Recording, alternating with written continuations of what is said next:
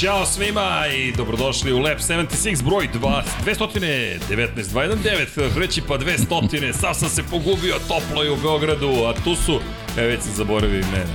Šalim se, Damjan Vukašin i sad sam stvarno zaboravio.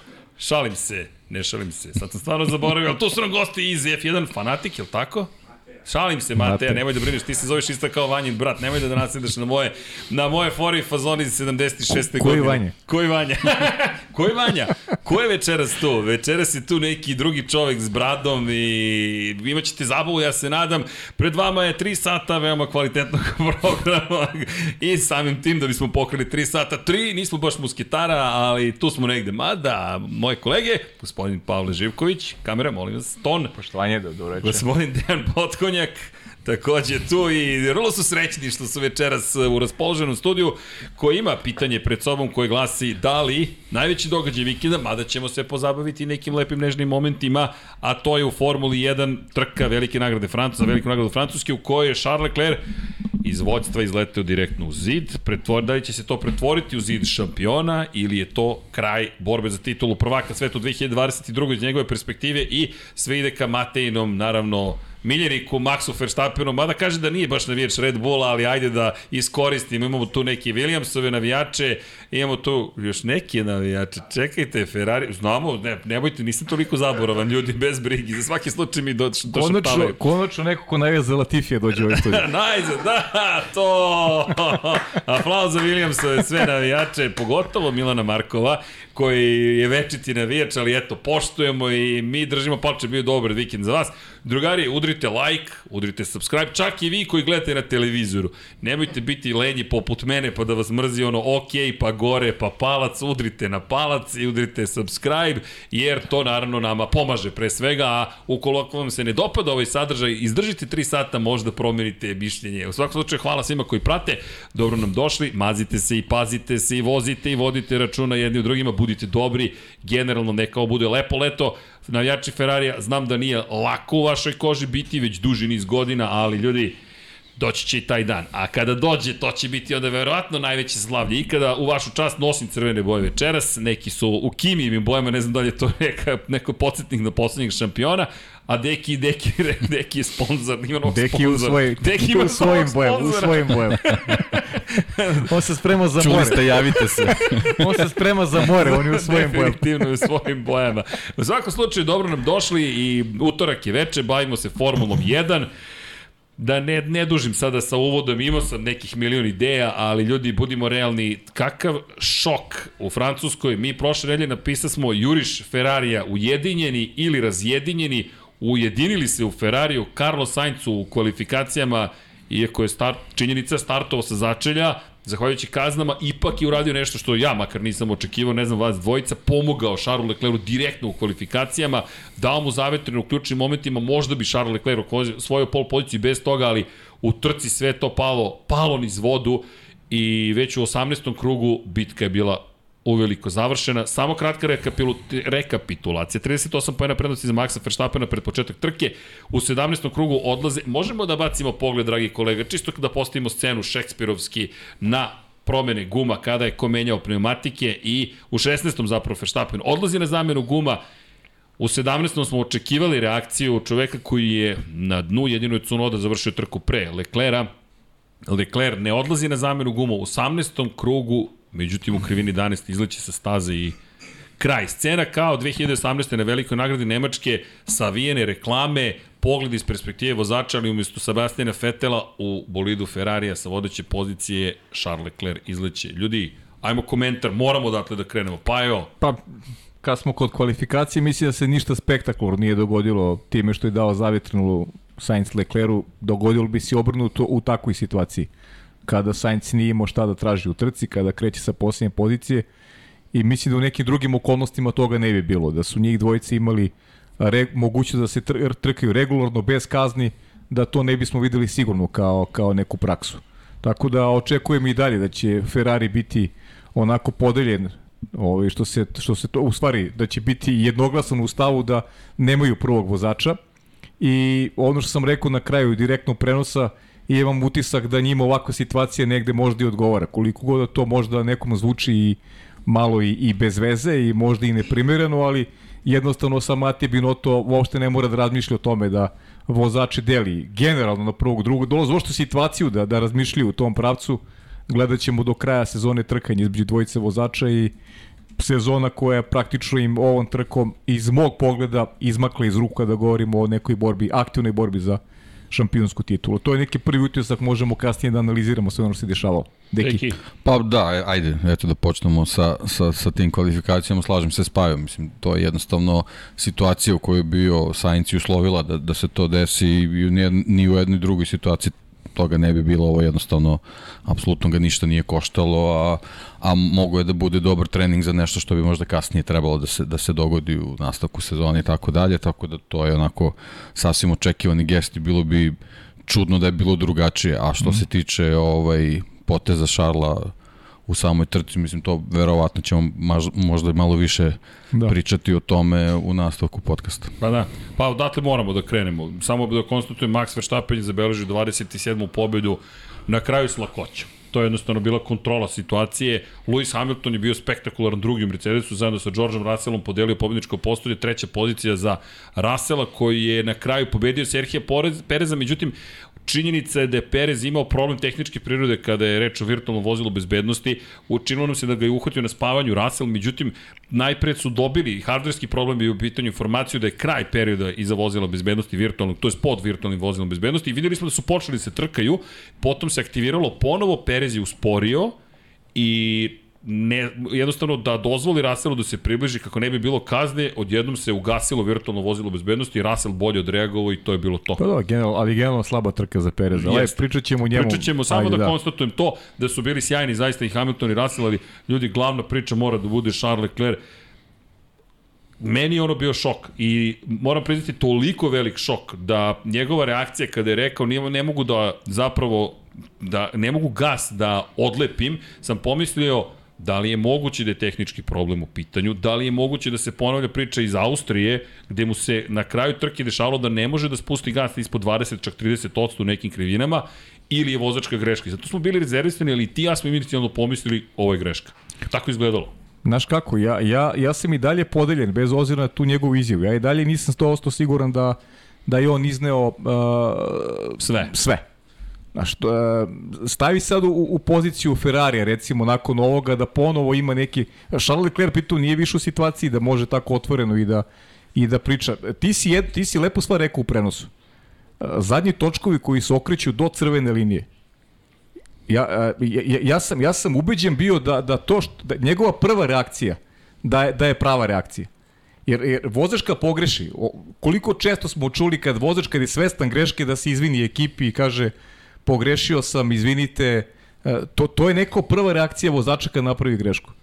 I dalje sam negde podeljen oko toga da li je, da li je Leclerc rekao a, a, a sve u etar, da li je pitanju samo greška ili, ili je postojao ili nešto što, što je problem na tom Ferrari. Ja, ja kažem ti, nisam siguran 100% da je, da je to bila samo greška i što više gledam uh, tu situaciju, uh, ja sam sve manje siguran da je, da je u pitanju samo greška Šara Leclerc. Ne znam kako vas dvojice vidite celu priču.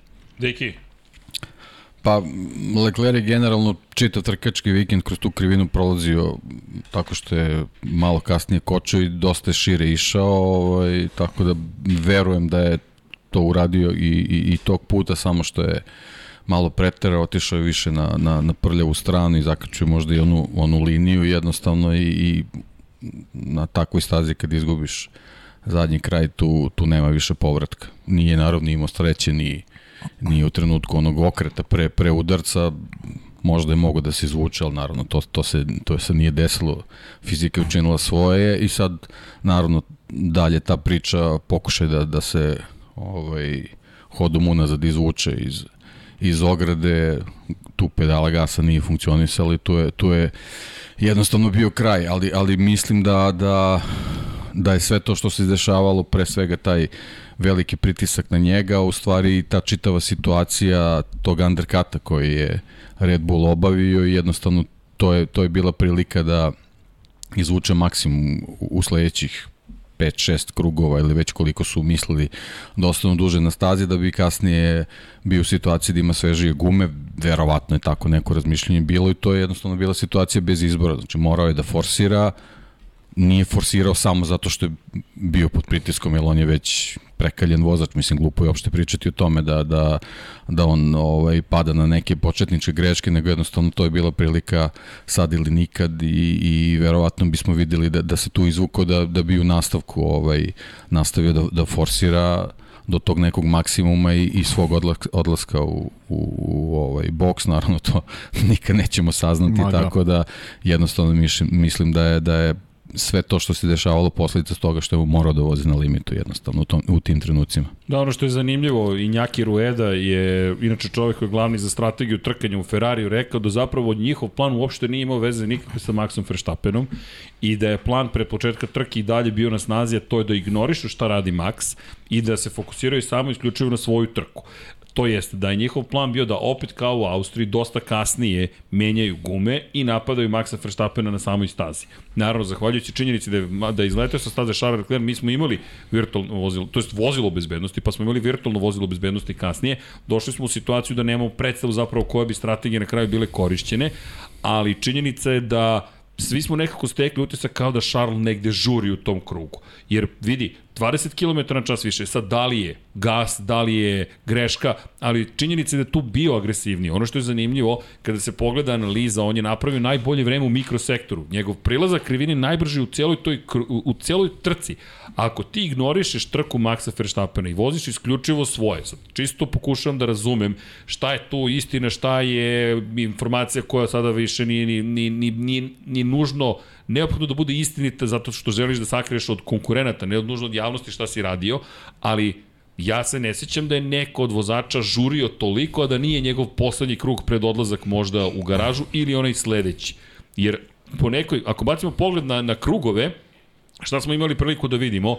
A, možemo za Leklera, eto da bacimo pogled. Dakle, ovo su Leklerovi krugovi i mada se ne vidi, a poslednji da hvala Aleksi Vučo, inače ima i on fotografije, čovjek je inače na karting, karting centru Carlosa Sainca, gde si bio da. i poslao nam je fotke, poslaću ti ako budeš uspio da ih ubaciš kasnije, ali sve je ovo dosta ujednačeno, ujednačeno, ujednačeno i 1.38.088 njegov najbrži krug, posle toga nešto spori krugovi ili krugovi koji su tempo koji očekuješ u trci. Pa da, ali nešto spori krugovi koji možda upravo to i govore, on je vozio svoju trku možda u tom trenutku malo, malo štedeo pneumatike da bi mogu da izvuče 5-6 krugova više u, u, u, od trenutka kada Max ode, ode na zamenu. Dobro, ali mi I to... onda je od taj trenutak njegov undercut je bio zeleno svetlo da, da krene maksimalno. Krene agresivnije. Da. da. Zato mislim da su i dalje morali da se bave Maxom, da nije to baš tako jednostavno, ne bavimo se Verstappenom. Moraš da se baviš Verstappenom, to čak i vodiš šampionat. To, je, to su te priče.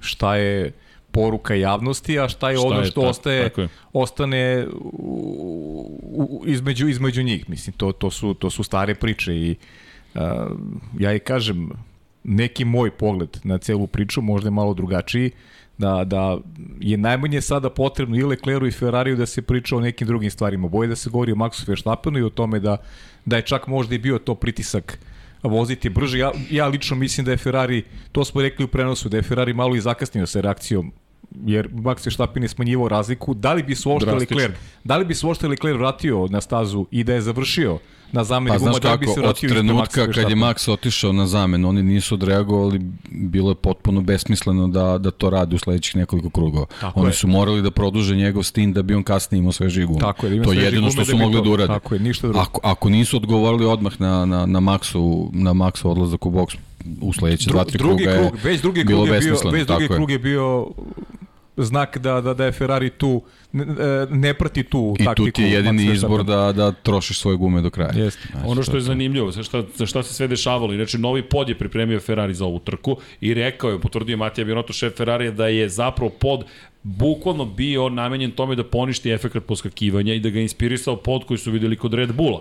Dakle, bukvalno su prekopirali, to nisu ni krili, ono što je Red Bull učinio. I rekli su da su dobili dve desetinke u odnosu na ono što su simulacije bile, ono što su imali bez tog poda. Zašto to napominjem? Moguće da je to dalo dodatni optimizam Ferrariju kao u Austriji, da Leclerc može na, na stazi da pretekne zapravo Maxa Verstappena još jednom. Moguće. I u toj situaciji, ako bi to učinio na stazi, gde je upravo Max prošle godine pobedio što Luisa Hamiltona, što Valtteri baterija Pa Bottasu da, i neko, neko prepisivanje, šampionski. prepisivanje neke taktike koja je bila Maksova prošle godine. Bukvalno, Taj neki, to neko duže ostajanje na stazi. I onda sad ova situacija koju ne znamo, ja ću ići, ja ću ići zvaničnom linijom. Dakle, pa joj slažem se da ko zna šta se sve događa iza kulisa, ali Pa pričali smo ti, a sjeti se prošle godine šta je bilo u Azerbejdžanu, koja je bila priča. Red Bull koji je drvlje kamenje na, na Pirelli i na pneumatike, onda su došli ove godine u Baku i pričali kako su loše trošili pneumatike prošle godine da moraju budu obazrivi. Pa to Pa se kosi, to se malo baš bio- kosi sa pričom u odnosu na prošlu Pa godinu. dobro, i pritisak koji su imali u gumama nije baš bio preporučeni pritisak. nije bio. Nego se guma E. naduva kad oni krenu u trku. Tako da te izjave, izjave zvanične, izjave uvek treba uzeti sa rezervom i negde uh, onako razmišljati o onome što, što nudi slika. knjigu. U onome što, tako je, u onome što nudi slika pre svega. Ja ti kažem, ti si imao sjajnu reakciju, prvu reakciju, kako se okreću zadnji točkovi i idu maltene do, do crvene linije. Jer ako si ti na, punoj, ko- na punom kočenju, ako si ti na punom kočenju, to ne može, čak ni tada ne bi točkovi smeli da se Te, okreću. tebe, Čak i- tebe zadnji znaš pogon, tebe zadnji kako? pogon nosi, tebe zadnji pogon tu nosi. Pra, Me- praktično, Meni je samo to zanimljivo bilo, jer ako si ti na kočenju, a videli smo na telemetriji da on ne pušta kočnicu ni jednog trenutka, on kad je počeo da gubi zadnji kraj, kada počinje da mu se okreće praktično je. on staje na kočnicu i drži kočnicu neprekidno. Nije pustio kočnicu pa se vratio. A od jednom momentu se točak okrene. Okreće se, zadnji se okreće. pritom, sad, ima jedan od tweetova je bio zanimljiv gledalaca, hvala na informacijama, gde je komentar bio zapravo, kaže, Pa da, ali setite se koliko elektronika u toj situaciji može da se zbuni prosto. Jednostavno, može da se desi da je elektronika poslala poruku koja je dovela do toga da ti na kraju imaš bolid koji je neupravljiv. Moguće, ne znamo, ali jeste bilo čudno da u tom momentu se točkovi okrenu na taj način. I potom imaš situaciju da on ne može da otpusti gas, a potom i da ne može da uđe u, u hodu nazad. Ono što međutim je, ajde sad, i nije teorija zavere, samo Ne, pokušamo ne, ne, da shvatimo šta se ne, zbiva. nego, nego ja prosto, prosto znamo i kako Leclerc reaguje u tim situacijama. Leclerc je čovjek koji priznaje svoju grešku. I koji, i voz, ne samo Leclerc, nego vozači kad naprave grešku, to i bude njihova reakcija. Odmah se izvinjavaju timu. Dobro, ali moramo zbog čitave ove Netflix priče da, da imamo i zadršku, jer mi sigurno pola Za sve imamo zadršku. pola, pola poruka koji su se dešavali tih par sekundi nismo tačno. čuli. Znači mi smo čuli samo onu najdramatičniju koja generalno nije imala nikakve veze sa situacijom koju smo Tako je, vidjeli. I onda smo sami počeli da, da zaključimo što je u stvari njihova želja, da se, da se tako, Tako je. da se sve stvari tako i, i razvijaju. Ima još jedna stvar, deki, ako, ako smem da primetim, a to je sledeći. Dugujemo pre svega Ferrariju izvinjenje. Zašto? O, gospodine Toškov, Milice, i Milica od Čigrija nam je stigla s novom frizurom, lepo vam stoji, ili je duža kosa, dugo se nismo videli, kako god lepo vam stoji. Ali činjenica je sledeća, a to je da smo dobili situaciju u kojoj se režira opet i ono što je Ferrari uradio. Ferrari je pretvoren u, u, u, u klovnove u direktnom prenosu, što nije u redu. Zašto? Da, često ih porede sa klovnovima, ali mislim da tim ovoga puta nije zaslužio tu vrstu kritike. Zašto? Ispalo je da su izrežirali da je poruka koju je dobio Carlos Sainz uđi u boks, a on se u tom momentu trka bukvalno za poziciju sa Serhijom Perezom, zapravo bila mnogo ranije. Ranije. I da su je tako izrežirali u kadru da ispadne da je Ferrari tim koji ne prati šta se događa na stazi. Što Pa nije dobro, okej. ali, ali je Carlos Sainz rekao što što mi sada šaljete poruku. Ali vidi, Da, o, o, o, Ispalo opet je, da, lepo ali, izrežirano ali je, sve. Dobro, ali je i on rekao, ne, neki moment opet nije za njega bio Slažem se, prihvatljiv. ali, ali nisu baš na ulasku u pit lane u to rekli. Ispalo je da ljudi su zaista amateri koji su tu se slučajno pojavili na stazi u Francuskoj. Samo mislim da je Deki ovde lepo rekao, da imamo Netflix moment gde i, Imamo, i u direktnom da. prenosu ti imaš situaciju koju mi ne možemo da verujemo. Pa dobro, ali šta ćemo Da i s onim nebezbednim puštanjem? A, to je Carlos uradio. To je Carlos. Uh, pozdrav za Nikola Nedeljkovića koji je našao kadar od pozadi i tu, ja sam pomislio da je Ferrari, ali nije. Eto, Carlos je zapravo na crveno izašao u pit lane. Ali ako je to slučaj... Nisam to vidio. Da, iskreno. da, ima, ima kadar gde se vidi da je crveno. Je sad, nije, nije dobar snimak. Pa evo ti crveno. iskreno, on je onda zaslužio veću kaznu. Tako je, to sam htio da ti kažem. Ako ti izlaziš Ako, na ako je crveno, on izašao na crveno, on je zaslužio veću kaznu. On je prošao Mnogo, fenomenalno mnogo sa 5 poena je sekundi. treba da dobije. mnogo A, da. poena je trebalo da dobije. Ili je trebalo da dođe, vrati se i odradi stop and go 10 Stop, sekundi. stop and go, to je za stop and go. Stani i ne da kad menjaš gume. Pa šta ne, bi ne, ne. bilo da Alex Albon nije bio pribran, kao što je bio? Ali uh, za njih dvojicu ništa, ali za Šta mehaničare... bi bilo da je ostala brzina 90? Šta bi bilo Šta da bi bilo da brzina ostala brzina 90? Bravo, Deki. Tako je. Bravo, Pričamo Deki. o tome ceo vikend, ali eto, šta je bilo da ostala brzina 90? Mi imali bismo incident vrlo ozbiljan. I to je ono što McLarenov mehaničar je sjajno odreagovao. Tako da ima tu mnogo zapravo toga što su zapravo i vozači i ekipa uradili. Ali ja mislim da je neki tvoj nekako inicijalna reakcija, koliki ljudi je pritisak bio u pitanju nad, nad Charlesom Leclerom da on napravi najveću e, pa grešku to su, ove to sezone. su sad oni momenti, ovaj, pa najveća greška da, ali seti se imale. Da. Imao je. Mnogo je, mnogo je grešaka, meni- mnogo je grešaka meni u tim situacijama, nego- a to su neke stvari gde, e, gde ni taktika ekipe ne može da, da pobedi ako tebi vozač ne isporučuje ono što se traži od njega. I, a to su, to su šampionske vožnje. Ej, to je Pa da. onda što je pitanje. Je ovo, da li je ovo šampionski zid negde u budućnosti Charles Leclerca ili ovo kraj? Zašto? Znaš Za kako, ovu ja- sezonu Da, ti znaš da sam za ja, ja, i opet ponavljam, nisam siguran da je ovo, ovo, ovo je ekipa koja je Ferrari može doneti šampionsku titulu. Ali opet s druge strane, na račun onoga što je Leclerc pružao ove sezone, a, ne mogu sad da ga stavim na neki ne znam, ono, stup srama ili kako god Ne, to nije da se nazove, napravio jednu grešku, imali meni je bila, ono je meni bila klasična greška i, i, i to je, na, na, prvu je priznao tu grešku. Ovu, iskreno, ne prihvatam da je klasična njegova greška, mislim da se tu neke relacije između njega i Ferrarija su takve kakve jesu, da, da, da je sa tom pričom se izašlo u javnost, ali mislim da je dečko odradio zaista sjajnu sezonu i da veći krivac je Ferrari što on nema manji zaostatak u odnosu na, na Maxa Verstappena nego što je on kriv sam.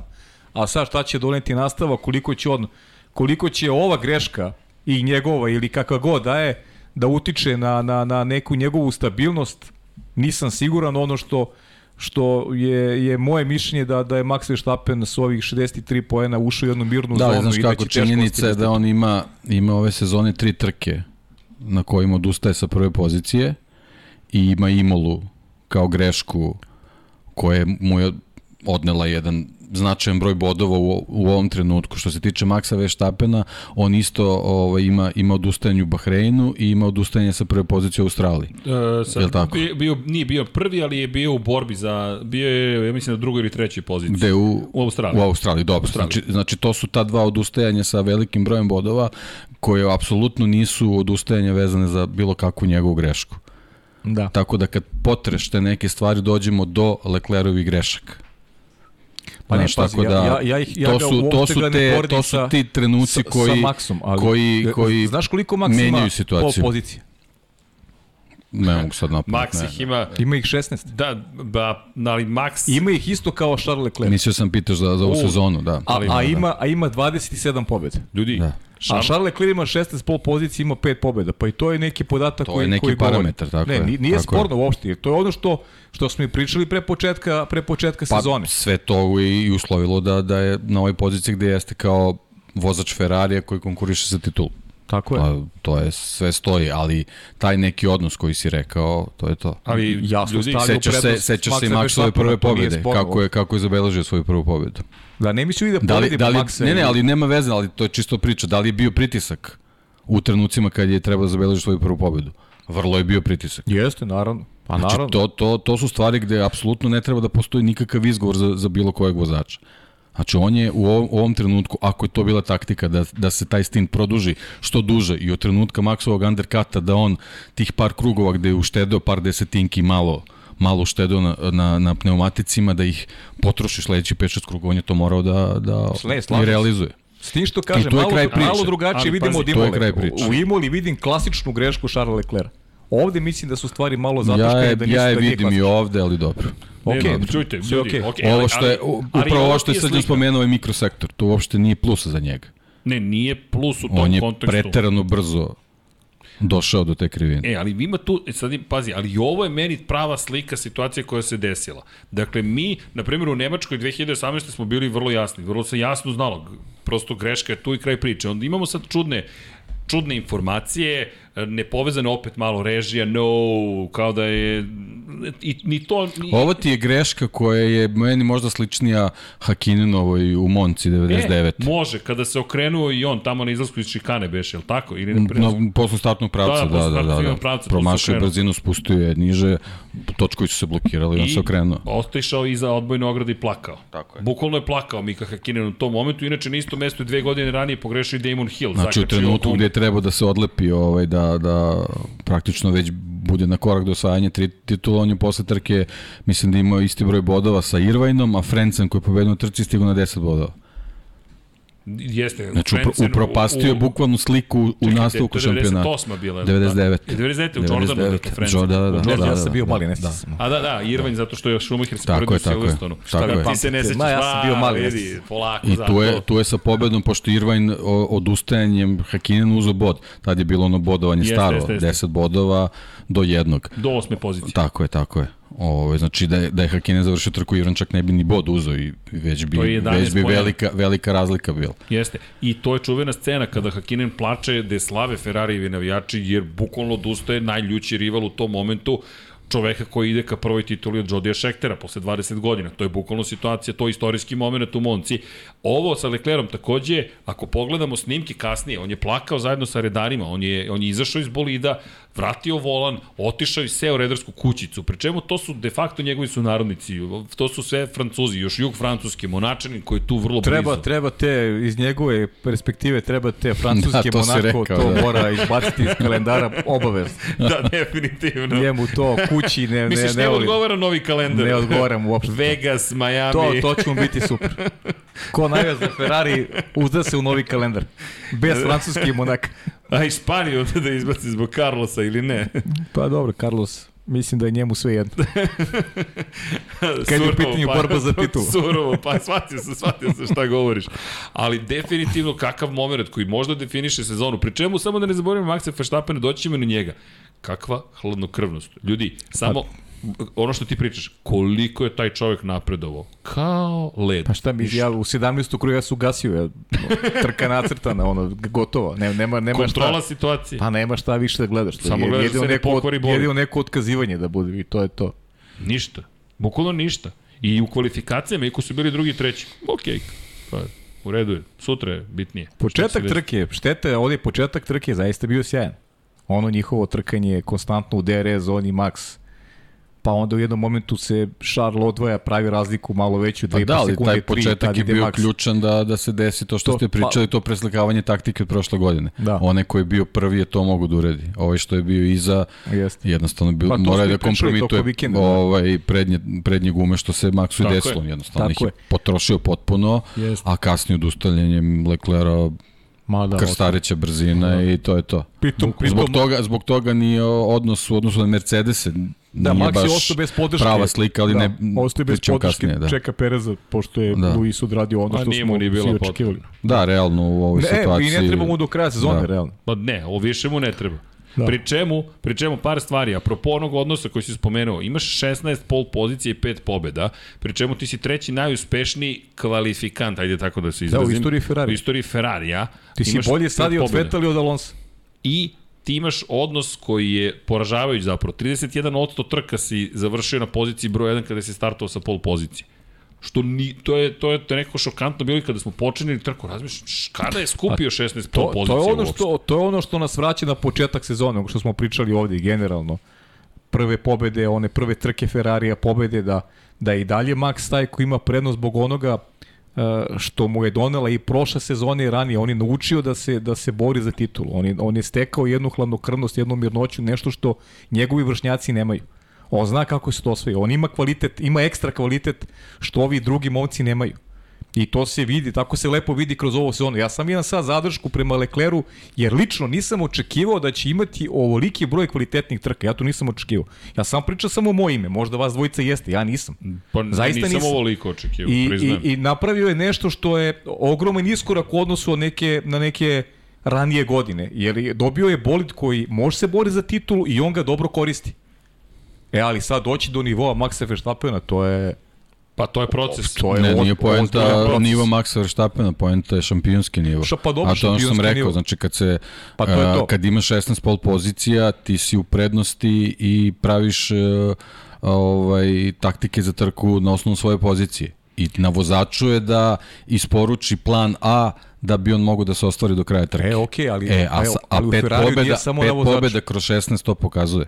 Ali ovde, ovde on nema ni podršku adekvatnu ni to, tima. Ovo je, to stoji, već to je, to je sad jedan, jedan drugi deo i, i zahvata možda 50% čitave priče.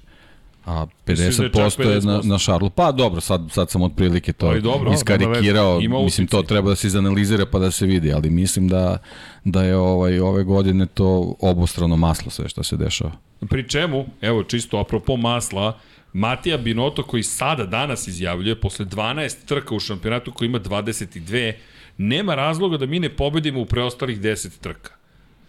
Ja se zaista izvinjam svim ljubiteljima Matije dobro, okej, Binotto. nema razloga. Ne, ne, ne, je- ali, ali, ali samo, samo kratka retrospektiva. To je isti čovek koji je ponovio pred ovu trku i pred trke na početku juna da oni ni ne treba da se bore za titulu šampiona Ali sveta. opet se vraćamo Srki na ono, zvanične izjave i nešto što je Znam, u četiri Bajo, zida, ali- znaš, često se Znaš šta samo šta je problem? Problem Što je što govoriš onda? problem je što oni imaju rivala kao što je Red Bull koji može da uđe u problem sa motorima u jednom trenutku ovaj nastavka sezone gde mogu da uslede kazne i tako dalje tako dalje ali ali rekao. ti si im sa svim svojim aktivnostima do, do toga da oni relaksirano čekaju taj deo sezone da. gde možda možda bude problema mislim videli smo da da sezona baš nije Pa da počela bude. što se tiče pouzdanosti kako Pa da treba ali bude. oni su sad ali- već maltene na, na, na dve pobede Ali ti razlike si- Pa Da. imaćeš ih i ti, već ih, imaćeš ih Da. i ti, Tako znači je. ne možeš da Da. imaš 10 trka bez To je problem, potvrdio. to je Ne, ne, problem, izvinite, da. Ljudi, Ferrari je potvrdio još najmanje dva puta će imati ove situacije. Već sada znaju da će još dva, najmanje dva puta imati. Pri čemu, Pa nek ima Red Bull četiri puta. ali, ali čekajte, Ferrari je već prešao granicu. Red Bull još nije prešao granicu. A mi smo prešli polovinu sezone sada. Sada je ovo 12. trka iza nas. Dakle, Ferrari već je u lošoj poziciji. Već sada je u Evo lošoj ti, poziciji. imao je, imao je Max Verstappen sad trku da nije morao da A nije morao troši troši maksimalno motor, ništa. uopšte. 70%. Ćao. Bukvalno. Ja se samo vraćam na to vezano za odnos njih dvojice. Imali smo nepouzdanosti Red Bulla, imali smo nepouzdanosti i neke nesigurnosti Ferrarija, ali poenta je da Max Verstappen ove godine nije pogrešio. I A Max tu, Verstappen tu se svodi, tu se svodi ta Jednom, a izvukao se i da, pobedio u Barceloni. Tako je, kad se Tako je. i podvukao Pa da. vetar, a opet greška je. ga nije koštala ništa. tako je. Pa zato je on to što jeste. Zato I ga je to ti treba malo ponekad Pa to je ono što govorimo stalno. Kad, kad budu odsješli ovi sa scene, ovi veterani, Max Verstappen je tu daleko najjači ime, neko je već šampion i neko ko ima iskustva pobeđivanja takvog vozača kakav je Lewis Hamilton. I teško će biti u neko dogledno vreme pobeđivati Max Verstappen. To će biti o, ozbiljna Pa, Biće ti sve matematika. teže i teže, jer on čovjek postaje naviknut na pobedu. Njemu se ovo podrazumeva. Evo, smeši mu se već, smeši mu se druga titula. Ovo se sada bukvalno Smeši druga, se druga titula. Ono što je veće pitanje, za ovu sezonu mislim da je odgovor jasan. Ovo nije zid šampiona, definitivno. 63 poena nadoknati uz odnosu na Maxa Verstappena biće baš teško. Pri čemu, Carlos Sainz posle ove trke, šta će odjednom reći da ipak sam ja vozač broj 2. Sada je Leclerc ostao bez bodova, smanjio razliku Pa i ne, Carlos tamo, Sainz. tamo Srki to nema, to neće, ne bi Neće se se ni desilo i da je pobedio Leclerc, ne bi se desilo. Pri čemu, To Max je Deki sada... najbolje rekao, objasnio. I, a, ali pazite sad ovo. Lewis Hamilton ima 103 pobjede. Sebastian Vettel 53. Pričamo o vozačima koji voze. 32 triumfa Fernando Alonso. Max je na 5 pobjeda samo od Fernanda Alonso. Još samo 5 pobjeda. To može ove godine da i jedne desi. titule. I jedne titule. Bravo, deki. On će do kraja, na kraju ove sezone će u svemu, u svemu prestići Fernanda Alonso. Alonso. Fernando se, da. da. I bit će mu lakše da stigne taj rekord s obzirom da idemo ka tome da, da ima i 24 trke. Koliko ih je Pa bilo da, kad je, je, da, Louis- to je sad posebna kad je, priča. Da. kad je Lewis Hamilton krenuo da vozi, koliko smo imali trka u kalendaru? Manje ih je bilo i kod njega i kod Alonso, ali on ide ka tim brojkama. Iako on kaže to nema veze, on je izjednačen sada sa Jackiem Stewartom, trostrukim šampionom sveta. Ide ka Mansellu, sledeća meta je Mansell, 31 Mislim da ni pobjeda. jedan, ni jedan vozač koji to kaže sportista da nema veze, ima veze naravno i, i to uvijek Ima imaš veze. neke ciljeve stavljaš ispred sebe kako bi inače Pa kako nađeš dugo motivaciju? traje. Pa kako, tako je. No, Čekaj. Ako nemaš ciljeve, završavaš karijeru, naravno. Pošto ekipa ovde nema baš lak pristup internetu, da li znate ko je sledeći najuspešniji vozač u aktivnih vozača u Formuli 1 po broju pobjeda? Ajde, ko vam pada na pamet? Bottas. Bottas. Valtteri Bottas sa 10 pobjeda, pa Daniel Ricardo sa 8, Bravo Srki. pa Charles Leclerc sa 5 i onda Sergio Perez sa 3.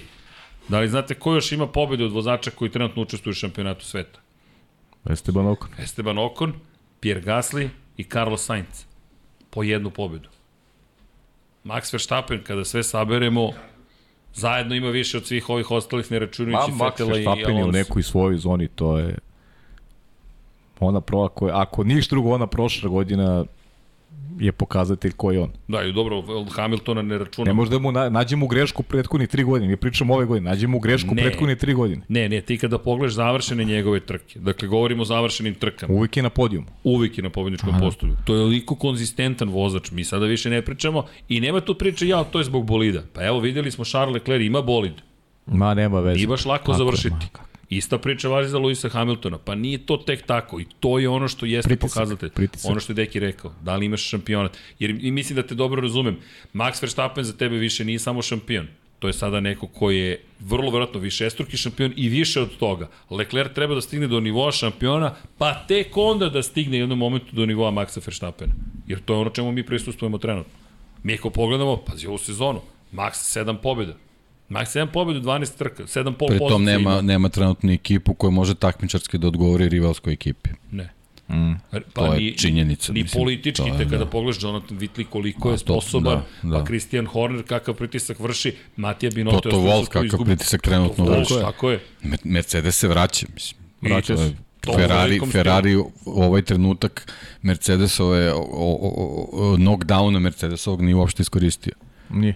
Pa dobro, ajde, nagradno, nije nagradno pitanje, ali pitanje, šta mislite, to će biti drugo plasirani Mercedes na kraju sezone u šampionatu Ne, konstruktora? to već ne mogu ti da se bavim. Ono što, što mislim da će Pa se dobro, desiti, generalno cela, cela sezona, cela sezona pokazuje Jednu da trku. do Sad. sad je Mercedes sve što je uradio zapaženije je bilo u trenucima kad nedostaje po neki Ferrari ili Red Bull. Pa da, jes. Još uvek je takva Dobro, situacija. ali činjenica je da je Lewis Da. Hamilton pobedio u direktnom trkanju sada Serhije Perez i to lagano. Tako je. To jeste, da, to je.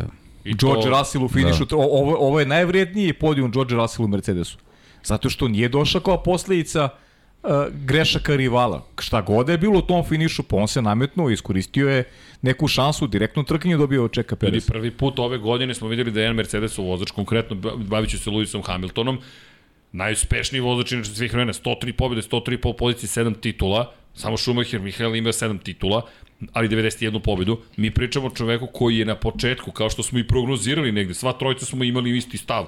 Lewis Hamilton ovde dobija Serhije Pereza. Dobija Serhije Pereza, ali mi sada pričamo o tome, nije la, Hamilton jednom nasledio plasman na pobjedničko postolje. Nasledio je drugu poziciju, ali bi bio treći. Sve je ukazivalo na to da je na trećoj poziciji. Inače, doneli su mnogo novih dijelova, nije baš sve funkcionisalo kako su želeli, Pa, ali na kraju dana... dana, ali- Da, baš izgledalo loše. Ali, kad je došla trka, Hamilton treća pozicija i Perez nije mogao da ga pretekne. Bez nije- obzira na nije svu šanse. prednost na pravcima koje Nije ima. imao šansu nikakvu.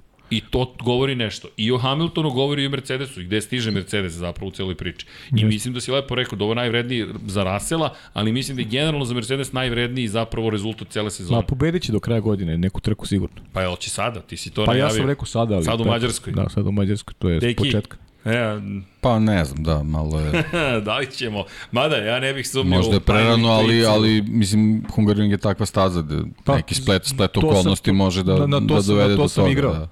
Na to sam i igrao, da. Be, vidi, bit će svako zabavno. Najavit ćemo mi veliku nagradu Mađarske, ali ok, ovo što smo videli u Francuskoj je zaista mega dramatično bilo. I, i moment u kojem imaš pobedu Charles Leclerca, Ferrarija, dve za redom, Carlos Sainz pobedio u Velikoj Britaniji, ti si u Jurišu, ti ideš ka snu, bukvalno. Pa ne znamo, Carlos ne znamo da li bi bila pobeda, generalno, ne znamo da li bi Ne, ne, bila ne, pobeda. ideš ka tome, nisi rekao da bi pobedio. Ide, išli smo ka sjajnoj trci. To svakako. Išli smo ka sjajnoj trci. Pa sjeti se kakvi smo bili, znači samo, samo smo se ugasili u jednom, samo smo se ugasili. Da, ne, s- Leclerc i ti, tačno A. vidiš, 17. kruga vidiš, vidiš kom pravci ide trka. Šok, gledaš u bok i vidiš na bo, broj 16 u zidu. Šta se dešava k Ferrari u zidu? okej. Baš, baš je onako za, za sezonu, realno, iskreno, nije dobro. Ali gledat ćemo dobre trke, to, to nema dileme. Mercedes mislim se će biti vraća. Ferrari će sada, e sad, sad ideš bez pritiska. Ej, ali sada, Sad ajmo, ideš bez pritiska. Sad, ajmo sada znaš, pitanja. Sada, Mađarska. Ja mislim da je ovo ključna trka. Zašta? Za ono što smo pričali ti ja u studiju posle trke. Šta smo pričali studiju posle? O, šta sve nismo proveli smo deki. Postali smo da, inventar u studiju, otprilike Da. da. petak, subota, nedelja pre, nedelja posle. Ali dobro, nama je bilo zabavno, pogotovo, ali nedelja pre trke. E, to je ono što Ne, smo je, dugo to je čekali. najbolji studio bio. To se daš priča i Deki, ne znam da li gledao. To, je, to su oni kadrovi, to je Najzad. interesantno publici da gleda e, šta se dešava na stazi. Pre početka I trke. to je zašto smo mi nekad onako izludimo što ne možemo da uđemo ranije u kabinu jer imamo priliku to da vidimo. Jer to je, vidiš ko je došao, Da, ko, mi sedimo u ko kabini i obilazi vozače, ono su stvarno in, mnogo interesantnije detalje. Ja kad sam bio mali, trke su počinjale prenosi tako što se uključu drugi krug, na primjer. tako da, E, pa da. tako da te ne razumem uopšte šta pričaš. To si upravo. Meni je sve super. To si upravo, to si upravo, da. šta, šta su tu Pravo očekivanja, znaš? Nedeljno popodne pa preseku na pola, ma nema veze, daj pusti. Ne, zato, Šta ima veze? zato smo mi najjači. Mi, Bilo je love, nije Pustimo uopšte 10 minuta bitno. pre Da, početka. da. Platiš prenos, pustiš na pola, šta ima veze? Sad smo pustili koliko? 45 minuta pre početka. 45, ma mi... Komentator u studiju nema pojma šta se dešava, ne zna ni koja je staza, ne zna ništa. Da, da. Davno si ti bio mali. Davno je to bilo, davno je to Ne bilo. znaš ti kako to pa izgledalo. Neću ni da znam. Pa antenom hvataš kad si na placu, ne možeš da uvatiš lepo signal. Loga Svašta tri. pa stojiš ovako na Ali vratima da i li gledaš si trku. platio pretplatu, inače ti dođu pa ti izmeri. Švedski detektori, Švedski da, da. detektori, ja, se sećate švedski Zamisli sad ovi klinci, znaš, da im kažeš da, da je Da, neko da, pustio a oni prenos. ovde izbacuju mi ovde krug, krug za detektor. krugom. Kakav Zamisli, crni pustiš, krug za pustiš krugom. prenos u drugom krugu, ne vidiš Ma šta trke. A ne, a Pa ne da, samo da. to. Pri tom komentatori u studiju svom matičnom i veze nema šta se dešava na stazi. On pojma nema, ne prepoznaje vozače. Pri tom, verovatno, znati ranije kakve su kakve tehnika bile kad se radili ti to su ovakvi monitorčići Pa, bili. ne. On, on, on ti kaže nema da pojma šta. A dobro, imate vaše laptopove pa se snađete.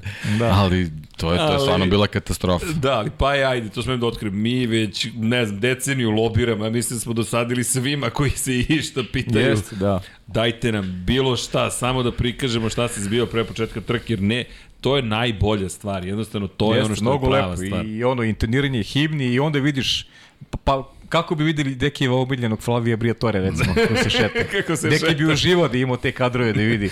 Znaš, ne, ne znaš prošto šta radi, znaš.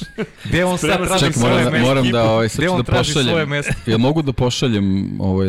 Pošalji. Jel ćemo Srki. moći da, da, pu- ne, ne, da, moja Kako? omiljena slika kad smo već kod Flavije. Srki, Da. srki, sve Pošto je. Hungaru ring, da ovo je- ovo je Hungaru će ring. Aj. Hoćeš, hoćeš tebi da pustim sliku ili kako da, gde da... Slack, Slack. A nemam Slack, Nemaš Slack na mobilu. Whatsapp može? Pošalji meni, pa ću ja... Evo, pošalji koleginici iz prodaje, molim vas. Kolegice, E, Čekaj, kad smo kod prodaje, može kadar, molim vas, malo da reklamiramo. Ljudi, shop je odavno otvoren, dakle, imamo ovde korisnike. I mi smo dobili lepe majice, hvala na poklon, hvala. Inače, E, da, da, još jednu majicu, ekipu, ljudi, mi podržavamo zajednicu, tako da kogod da, da evo, et f1.fna.tk. Dobro. F1.fanatik. Da, da, ne znam da li ima S ili nema. To su Tako momci koji su danas To su gosti. momci koji su tu, tako da zapratite ih na Instagramu. zapamti imena? Damjan, Da. Vukašin. Gotovo. Vukašin i... A, Mateja. Mateja, bravo, Srki, bravo. Fori fazoni. Znaš kako ih asociram po, po ljudima koji se tako zovu i koje znam, razumeš? Srki pra- pravi slike i klastere, znam ja. Kla, klasteri, klasteri, o, jato, galaktičkih klastera. Ali ne, ozbiljno ljudi, i svaka čast svima koji radite stvari kao što rade ovi momci, mi ćemo se Tako stvarno je. truditi svakog da podržimo. Zašto? Pa zato što imali ste priliku da gledate i drugi ljudi koji imaju svoje web sajtove, koji se bave ovim, kojima je to strast, možda postane i posao, ja vam držim palčeve zaista i mi ćemo se zaista truditi uvijek da podržimo. I, i zašto? Pa to je, zar nije lepo deliti zajedničku ljubav i strast? To je, to je neka najlepših stvari. Tako da zapratite se međusobno, ima tu ekipa koja zaista, ma mnogo sajtova ima i, i mi smo dobili poklon, ne znam, od Johnny-a, gde nam, ne, gde, gde nam je West Ham United, ne znam, to je negde, ali činjenica je da je zajednica zaista neverovatna, tako da eto, sve pohvale. Evo da pokažemo još jednu stvar, gospodin koji je kod nas u studiju, inače se vidio na Instagramu, reče da Vidio dolaziš sam, pa večeras. da, vidio sam. Aco nam je poklonio. Aca, Aca je rekao da sam ja na Aco, odmoru, a on Aco. umesto mene. Da, da, da. da. Acu, da. da. Aca To je šampionski automobil, tako? Da, ja se Acu već E, duže to vreme je iz dopisujem. 2018. Jeste. A 18. Sa, ne, to je ovo što smo predstavljali. Aha, To je Da, što smo Aca je dono prošle nedelje Jeste. I stalno Hvala. šalje poruke, mi smo na, na, na vezi smo, eto, to je, Hvala. ta, to je ta F1 zajednica. Tako Pozdrav je. za Tako Aca. pozdrav svima, eto, zapratite momke, podržite ih u njihovom radu, ima tu još ljudi koji se trude, rade, pa eto, zajedno smo svi, zajedno, znači, ako voli kosmos, refraktor.rs, tu nam je gospodin Toškov, tako da znate, I ima tu, pa evo, Maše zajedno sa Milicom, zašto se podržavamo? Pa zato što treba da se podržavamo. Vrlo je jednostavno, ništa više, ništa manje od toga. Elem, šop, odatle sam krenuo, otišao sam u zajednicu, tako i treba da bude.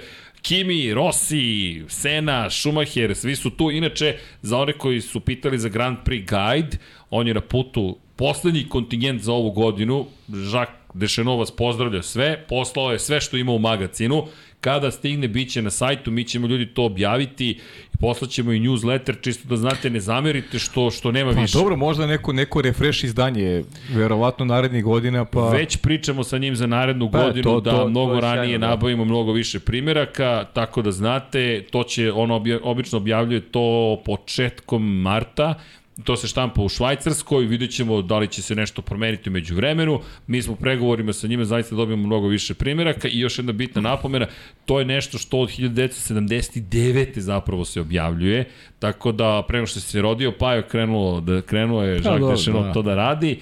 Deki ja pamtimo još iz tih godina, ali činjenica ljudi da je u pitanju Šta bih ja bez vas dvojice? Vi, vi stvarno, vi ste moje blago. Ti si naš Vanja. Ma, Ti, vi, vi ste moje blago. Vi meni otvorate tako vidike, vraćate, vraćate u prošlost, sve to Što što ti dobro pamtite. dok pamtimo još. Ne, ne, sjajni ste. Stvarno, obožavam vas. Neću da. Da. vas menjam nikad. a ti furaš zapravo fazom Fabija Kvartarara. Seda, zapravo nije Ne, nego ne, farbana to, brada. To, to je farbana brada. Farbana brada, pa to ti kažem.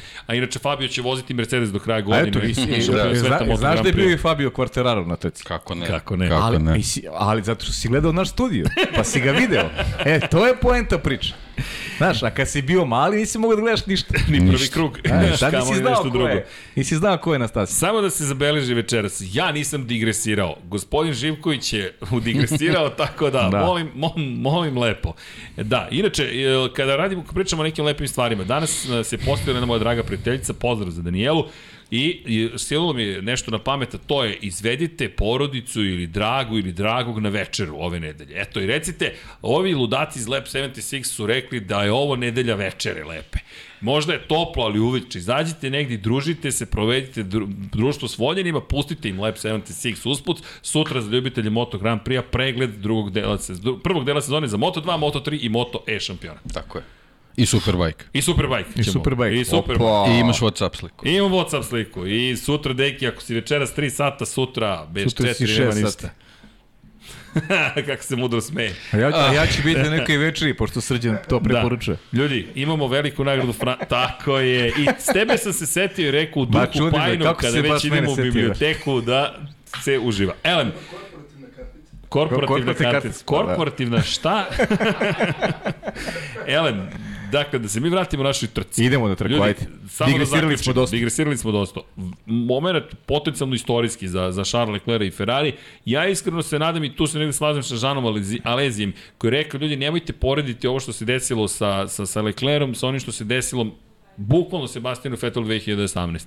Potpuno su druge okolnosti u kojima se to događa. Zašto? Sebastian Vettel u tom momentu već ostvaren šampion. Ja se slažem Četiri sa Alezijom prvaka I zbog, sveta. I zbog toga malo biram reči večeras. I zato ni nismo I kažem ti šta još, i kažem ti šta još, moj utisak, znači, e, ne mogu protiv sebe, protiv onoga što sam video na prvo gledanje i protiv onoga što što negde je, je, je neki, Jasno. neki moj utisak. I neću da idem protiv sebe, kao što sam smatrao i pre početka godine da je Max Verstappen najveći favorit za osvajanje šampionske titule. Naravno da je to tek sada je najveći favorit za osvajanje šampionske titule, ali Charles Leclerc, ono što je napravio ove godine je za mene jedan ozbiljan iskorak u, u, u nekim i očekivanjima i u onome što sam negde ja lično video e, e, u njegovim nekim vožnjama i, i, i ne, ne znam, potencijalu i tako dalje. Evo, kad tako smo da, kod sećanja, Tako da, ovaj, jedna od najlepše urađenih priča vezana za neka sećanja, neka prošla vremena i evo, nažalost, ma da počne to... digresije. šalješ- Digresije. Ne, ne, ne, ovo je baš... Da, o, da, dobro. E, mo- morat ćemo Procesuiraj pa ćemo kasnije da... da... Da, da okej, okay. ovo, ovo moramo da, moramo da, Da, spomenemo. ovde, ovde, ovde, ovde. ovde. Aha, e, e, Aha, da sam pokažeš da, da, samo, Paja aha. da vidi. Uh, vratit ćemo se na ovo zato što su to isto neke emotivne stvari. Aha. Kada je reč o kada je reč o, o ovome što se dešavalo, ajde da, da, da, da ne prekinemo priču na pola, slažem se Pajo s tobom, mislim da Charles Leclerc, za razliku od Sebastiana Vettela, koji je doveden u Ferrari kao uspešan šampion Pa sveta, četvorostruki četvorostruki, de facto u tom momentu možda i najbolji vozač, imao je najviše titula, najviše pobjeda, Lewis Hamilton još uvek nije bio na tom nivou, dakle imao je drugu osvojenu titulu, on je jurio ka Fetelu, pa su imali onu čuvenu sezonu ko će prvi doći do pete titule šampiona sveta, došli smo do toga zapravo da je Charles Leclerc neko ko da ima puno pol pozicija, nema puno pobjeda, ali tek treba da bude Znaš šampion. kako, e, pre početka sezone, da me neko pitao da li mislim da Charles Leclerc može da bude šampion sveta u Formuli 1, ja bih mu rekao ne mislim. Mislim da, da, da je to nemoguće. Sada, mislim da Charles Leclerc može da bude šampion sveta. Ne nužno ove godine, ali potencijalno može da bude šampion sveta. Eto, to je, znači, e, e, mene je negde nagnao da promenim svoje mišljenje onome što je neki njegov potencijal. Mislim da on ima, da ima perspektivu da bude šampion sveta u Formuli 1. Da li će se to dogoditi, kada će se dogoditi, ne znam, ali negde neki je, kažem, neko moje, samo moje mišljenje je da, da, Jasno. da to može da se desi. Eto. Inače, ajde da spomenemo sada, da, da iskoristim prosto priliku Deki koji nam je skrenuo pažnju malo pre nego što smo počeli podcast, nažalost, nije lepa vest, ali opet još jedna uspomena koja nam živi izgleda u studiju. Nažalost, preminuo je glumac Branko Cvejić.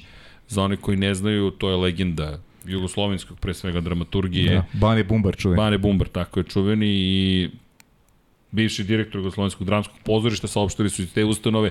Klincima ne znam koliko to znači, pretpostavljam da ne znaju ko je gospodin Branko Cvejić, ali to je zaista legenda kinematografije i eto, nešto što su naše uspomene. Čovek koji je zaista imao veliki broj, da kažem, umetničkih dijela iza sebe. Kultnih uloga. Kultnih uloga, zaista kultnih uloga. I u svakom slučaju ne pričat će se još o ovome, ali eto, volim da, želim da iskoristim priliku kada smo već u, u, uživo sa vama, da eto, da ukoliko niste pogledajte neki film ili neku seriju, A grlo mu jagoda. Grlo mu jagoda, da, da, Ja, grlo mu ja, jagoda. ja sam se uvek, uvek se s tim šalim tako kad krenem te neke priče od pitaj Boga kad kažem ovo, ovo slušajte uz muziku iz Grlo mu jagoda. Da, da, da, da. Jeste. To je otprilike ta A, a priča, sećaš da. da smo spomenuli mi, da ne sad ne imenujem, da ide neko grlom u jagode i to je termin, prosto ideš grlom da. u jagode. Da. I pogledajte, zaista ima i film, naravno, i u svakom slučaju, eto, prosto Velikan, stvarno. Velikan, jeste, velikan i jedan uspešan život iz perspektive kreativnog rada, a eto, nekoga koga ćemo mi pamtiti u svakom slučaju, pa eto, da samo da iskoristimo priliku, jedno, ovo čak nije ni digresija, mislim da je da je red da spomenemo čoveka. Naravno. Samo, samo toliko. A kada je reč o, o ovome što smo pričali... Slava mu i, slava i pamtit ćemo. Zaista slava mu. I u to ime morat ćemo da odemo da, jel te, imam neku ideju. Nešto Okej. da uradimo. Ali dobro. U svakom slučaju, da sad budemo ipak malo diskretni, a kada je reč o, o ovome što se dešavalo sa Leclerom, ja zaista mi, isto se slažem sa Alezijem, jer verujem da nisu iste uopšte situacije. Jednostavno, ovo je momak koji juri svoj san, u tom momentu je, nije jurio, jeste jurio svoj san, Sebastian Vettel, ali koji san? Ne da bude šampion sveta, ne da bude jedna od legendi Formule 1, nego da se izjednači pa možda i prevaziđe svog idola Mihaela Schumachera time što bi vratio na vrh sveta Ferrari i osvojio petu titulu pa i više titula sa Ferrarijem, ali u tom momentu to je već neki sledeći nivo. On nije tu gde je Charles Leclerc danas. Tako da, Charles Leclerc Pa on kad je došao u Ferrari, potencijalno je možda imao i veću šansu da, da se izjednači sa Schumacherom nego Lewis Hamilton. jeste. U a momentu zato kad i je došao za Ferrari. U Ferrari tačnije. A ne zaborimo da ni Fernando Alonso nije uspeo sa Ferrarijem takođe da osvoji šampionsku titulu. Ko sve tako nije da, uspeo. Da. Ali ajde, pričamo sad Nemoj se, opet se vraćamo o, o, mnogo o, unazad. o nekoj, nekoj prethodnoj dekadi. Da, ali, ali dobro, vidjet ćemo da li Charles Leclerc može da uspe. Da li je ovo neki, zato kažem, šampionski zid negde u budućnosti. Da li ćemo se na kraju 2023. ili 4. setiti i reći da li je Francuska bila ta 2022. Poslednja trka u Franse, Francuskoj, da li je bila... Da, da li, Da li je, je bila- da, da li je bila Monca za, kao Monca za Fetela? Za, za Hakinena. Ne, ne, Ne, i za, za Fetela. Monca. Zašto A i Monca? za Fetela, pa 2018. godine, Aha. ona čuvena trka kad se Ferrari Aha, ugasio čekaj, posle toga. ti bi to, da, aha, ok, da li je Hakinen Monca ili pa, Vettel Monca? Pa ne, da li je Ok. za Leclerca Francuska bila isto što i Monca za Fetela?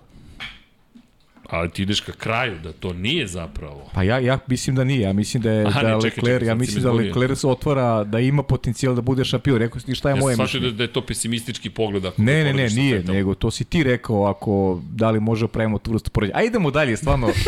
Ajmo da analiziramo Tako smo mi dalje. danas kad mi je poslao mail listu. Da, da, ajmo da idemo dalje.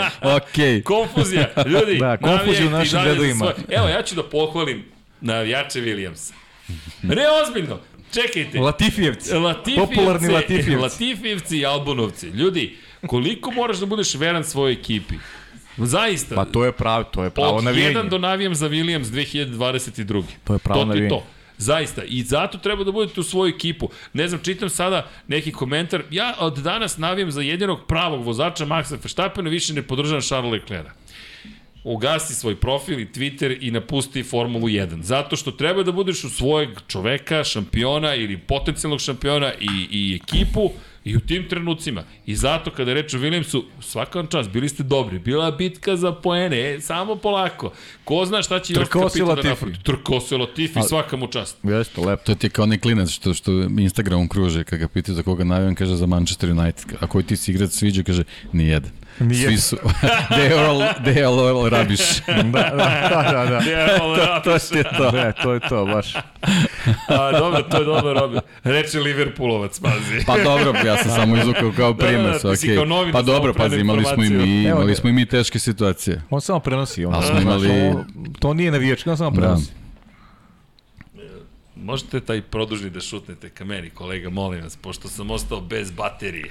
Nisam se... E. Ne, Milice, vi ste dama, molim vas. Pa ima toliko gospode tu, pa aman, aman. Pa, evo, evo ga, refraktor skače u akciji. Evo, ja sam se ugasio tako da možeš slobodno. Dovoljno se se ovaj napuni Oživeli smo mašinu, to je to. Elem, Svaka čast Williamsovcima. To je poenta bila cele priče. Bravo, Bravo za Williams, zato što je to, borimo se, nema odustajanja. I Latifi, ljudi, stvarno zaslužuje pohvalu. Ne, ne, zaslužuje, okej. I u Q3 I se probio. trka i sada. Trkao se. Nema, nema, nema. Kontakt. Ni, i mi, Kontakt a odmah smo ga optužili da se okrenu. Da, da. Instant. Pomislili Evo, smo da napravio neku glupost. Evo ga napravio glupost. A nije. A nije, ali šta ti je reputacija? Jeste. Ne vredi. Pastor Maldonado, njihov poslednji pobednik, taj duh izgleda da još uvek živi. Reputacija vas prati, ali probit ćete se vi kroz to. Inače, Red Bull, čista desetka za, za deo ekipe koji radi sa Maxom Verstappenom, zna se, posvećenost je potpuna, ide se tamo, završava se nema šta, posao. Max, Max. Ferrari u svojim dramama, Mercedes, ok, to je taj Mercedes Pa koji i, očekujemo. i, i Ferrari, Napredak. da nije bilo te greške Carlosa Sainca, oni mogu da podijum. E, to Pa- je sad opet ona priča da li bi gume izdržale do kraja, da je ostao, da, da je možda pokušao da dokneni tih 5 sekundi u odnosu na Čeka Pereza. Veliko je pitanje da li bi uspio da ostaje na stazi, ali ko zna, mo, možda je vredilo tog rizika. Pošto teško će biti pobednici u konkurenciji konstruktora, možda su mogli da probaju da ostave na srednje tvrdnim gumama Carlosa Sainca i da probaju da zadrže to treće Pa mesto. dobro, ja mislim da je bila računica da, da te gume ne bi izdržali, da bi Slažem se. i isto, ovako i isto, onako došlo da. do neke pete pozicije. Ovako čak je možda bila dobra odluka, peta pozicija plus bod za najbrži krug, Jeste. pa eto kao možda i neki plus. Tako da generalno kad se sve sabere vezano za te taktike, to i nije bilo tako loše. Što se tiče Ferrarija. Ja se izvinjam, ali možemo da dobijemo Dekijev, jel Deki, Deki, Deki, šta je ovo? Ne, hvala. Hu, ne, ne, ne, to ti je Hungaroring 2016. 2016. Da, a, Šeste. 2006. Deki, ne, Deki. Pre 16 godina, to sam hteo da kažem. 2006. A, ovo je a, motorhome od FIE. I unutra su sedeli Bernie Eccleston i Nelson Piquet. Dobro. Ja sad čekam da oni izađu, trebam da pravim neke intervjue, a u tom trenutku Niki Lauda izašao i naslonio se tu na, na, ovaj, e, na ulaz, mislim da je nešto pričao telefonom i u tom trenutku dolazi Flavio Briatore i počinju da pričaju incidentu između Schumachera i Alonsa, bili su neki srednji prstići i tako nešto je bilo. Uh -huh. i Briatore ukapirao da ja sad nešto hoću da prisluškujem šta njih dvojica, mislim, čuo sam sve šta pričaju, naravno, ali nisam prisluškivao, ovaj, onda je on bio u fazonu kao odmakni se malo, ja sam rekao, dobro, iskuliraj sve u redu, uopšte mi nisi interesantan, tako da to je u principu ta, ta ovaj priča rekao, bila to. "Oladi, Da, da, da, Pa evo, da. jasno je. Ne, da sam znao šta će da bude posle dve godine. Svašta bi mu. Svašta bi bilo, da. Čekaj, pomislio sam Tako da Deki to je u principu ta šest priča. godina, top forma, čekaj. A ko je deki? Ovo je u plavoj košulji. A i Flavio, da. Da, Deki ovaj desno Da, da, bio, da. čisto da znate. Za one koji su na audio platformama, da vas ne zaboravimo, Deki sa jedno, mm, mm, dobro, kilogramima ne znam koliko, jedno dva kamera, što bi škoti rekli manje, jel te? Da. Sa kosom koja nema sede, vrlo, vrlo duge kose Grgurove Da. i pokazuje Flavio Bretore u stop, sve je u redu, Niki Lauda nonšalantno stoji tu, e, Deki, Deki inače Niki Lauda legenda. uvijek bio gospodin. Niki Tako Lauda koji inače ima sa, on sa Ferrarijem ima, kad pričamo o Lecleru 16, on ima 23 pol pozicije sa Ferrarijem i to bi Lecler mogao eto da Niki Lauda koji brzo i stalno da- izgleda onako namrgođeno, neraspoloženo, apsolutno svaki put kada ga nešto pitaš dobiješ odgovor i čak i više nego što si traži. Mm. Za razliku od, Profi. od gospodina. Ali nije ni bitno. Od omiljenog menadžera. Znam, volim, ba, to je znam ljubav, da nikad neće ljubav dobiti velika. ovaj Velika ljubav. specijal podcast što se mene tiče. Ja, opa, da, kad budemo radili Benetton Renault, Da, a možemo Benetton Renault? Pa možem. To, to možemo, to, Ja, to, kad se vrati, Sve prevari, kad se, sve prevari podmetanje.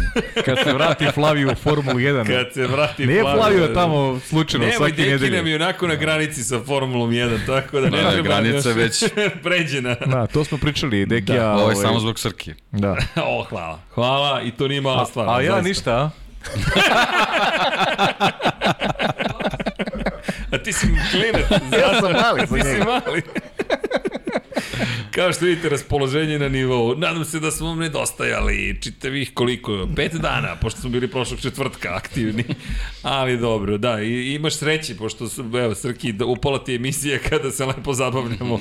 Ima malo grafika i tako, ne komplikujemo ti život. Ali sad će ti stigne još fotografija. Aleksa Vuča i Carlos Sainz, centar, levo, desno. Ali, Super, dobro. Do tada, ajmo da nastavimo mi analizu, ako je ovo analiza, s obzirom na činjenicu da se zabavljamo silno. Da, prošli smo Ferrari Red Bull, ajde, ćemo. Posle sat vremena.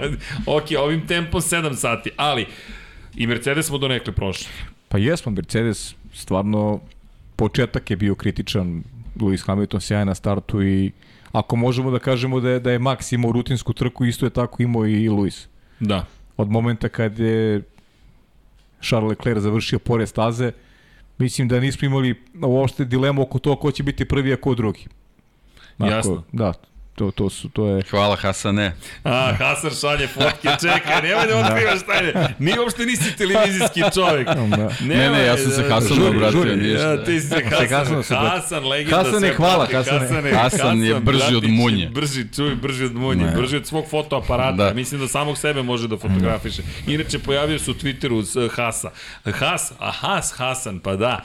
I ovako prolazi, samo ide tweet. Jel ovo Hasan? Naravno da je Hasan. I neki komentari su ko Alfred Hitchcock. U svakom kadru je Hasan. Netflix. Izvini, prekinuo si me. Tako da, ovaj... Tako da... Lewis Hamilton, znači, zaključili smo priču le- isto i sa Russellom, dakle, Mercedes, neki je arhiviran Mercedes, tako? U fioci. Fioci. Gotovo. U Fioci je desilo se, okej. Dobro. Dobro, pa dobro, šta je sledeće? Ko- Koga, koga birate, kolega? Ja prepuštam boje reč. Ćemo četvrto mesto sta- među konstruktorima ili kako? Tako je, deki, znao sam Bravo, to, deki, evo ga, francuska veza funkcioniše. Pa mora, ja mislim da mora. Eto, nekadašnji Renault, eto, vidiš, Eto, vidiš, vidiš, da... nameću ti se stvari. Da, da. Alpina. Ili ti Fernando Alonso. Pa i Esteban Ocon. Poeni vredni, ali ja se izvinjam, ja mislim da smo mi prisustvovali tihom masterklasu Fernanda Alonso u Francuskoj, koji neće biti nikada toliko istaknut, ali hoće ovde za ovim stolom, jer mi obožavamo Formulu 1, nadam se i razumemo je donekle, a to je da je on čovek svojeručno uspeo da uključi Estebana Okona u borbu protiv McLarena, potroši im gume i kočnice, pokaže još jednom koliki je majstor i ko ima intelekt i, i kakav je to vozač. Poruka za one koji nisu pratili trku, ali verujem da ste svi pratili trku je bila Fernando, Lando je brži u trećem sektoru, sada je u okviru jedne sekunde odnosu na tebe. Da, tamo i želim da budu. Da im uništim gume i da im uništim kočnice. Pa ne, čekajte, to je race craft. E, to su stvari je kako, zanat. kako i Charles Leclerc treba da komunicira s ekipom. I- A e, tome, to je tome je bliži Carlos Sainz. Mm, E, da, To je živa bravo istina. deki. To je živa istina. Bravo deki. to je živa istina. I, I to sad mi daješ, opa, vratili smo se, ali nema, najveća Pa tema dobro. je, najveća Pa tema ne, ne, ne, ne, ne, jednostavno le, lepo je dig- digresirao Super. sada, lepo je digresirao jer to je ono što smo pričali ranijim podcastima. I to, digresirao to, i dirigirao. nje, njemu fali tog malo, tog bezobrazluka, to ono što Lecleru, to ozbiljno, pre, ozbiljno problem pravi. Ali da li je to samo bezobrazno? Mnogo je fin. I zašto, ja, zašto se vraćam opet na onu staru temu? Onda je pogrešio, on bi rekao ja sam pogrešio. I to je, e, to je meni smernica najjasnije kad je on u pitanju Ali oko... to nismo čuli. E, misliš da to nismo čuli samo? Pa ne znamo da nismo čuli. Da. Da, e, zato, e, zato, e, pa bi, zato zato ostaje- je meni tu zadrška. Zato, e, zadrška i meni. Da. Ali Simone mi Samo je sam zadrška. ja na drugom tasu. Ti si na drugom, e, tako Da. je. A ja sam, na, ja sam opet na, na, na prvom. Ja sam u centru. Da. Balans. Majka Terazija. Maj, maj, majka Terazija, jeste. Ali ovo, deki, pointirao si, to je to. Poentirao si, ne, ovo je čista desetka. jeste. Ovo je trojka sa 8 metara Jeste. I, i šta tu ima, ali vrlo je ozbiljno sada si otvorio temu, a to je sledeće. Da li je onda Charles Leclerc brzi vozač koji u kartingu će uvek da pobedi, ali kada dođe strategija, kada dođe kompleksna situacija koji neće moći da parira onome što očigledno zna, evo, Fernando Alonso, koji razume, isto kao Lewis Hamilton. Hamilton stalno pita svoju ekipu Isto nešto. kao Sebastian Vettel. Tako je. Mm. Oni razumeju kompleksnost trke Formule 1. To nije samo trkanje. Isto kao je Max Verstappen koji je u trenutku kad nije imao toliku repu- reputaciju pitao svoju ekipu hoćemo da vozimo kao babi ili ćemo nešto da uradimo. Jeste. Sećate se? Jeste. Bukvalno je rekao to su, ekipi, to su "Aman, ti ljudi, lideri da koji se." kasnije imaju materijal da budu šampioni. Nije dovoljno da si brz, svi su oni brzi. I zanimljiv je I nije dovoljno... Nikola Latifi je pokazao da je brz. Jeste. Sve, on, ne možeš da budeš među 20 vozača ako nisi brz. Ali, Ali. treba ti nešto više od toga. Treba ti nešto više Plus od toga. sreće. Plus, naravno, sreća uvijek igra, ali moraš malo Evo, i da izgradiš. Ova trka je čista sreća za Maxa Verstappena.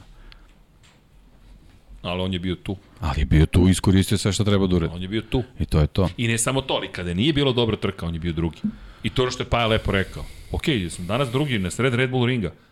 Pred armijom naranđastih navijača. Ok, Pa, Idemo dalje. pa Okej, to- zašto to je to. kažem da je 63 poena ogromna prednost? Zato što on možda Neće bude ih dru, pa drugi, treći, on, on, znaš, on će opet da koristi o- on, ono što u datnim okolnostima može. Neće ih Neće da forsira, on će da se on će do kraja da ide na titulu. To je A to. ovo što je Deki rekao, Ne, ne, ne, nešto što pa- treba da, da pratimo to je- vrlo to je- pažljivo.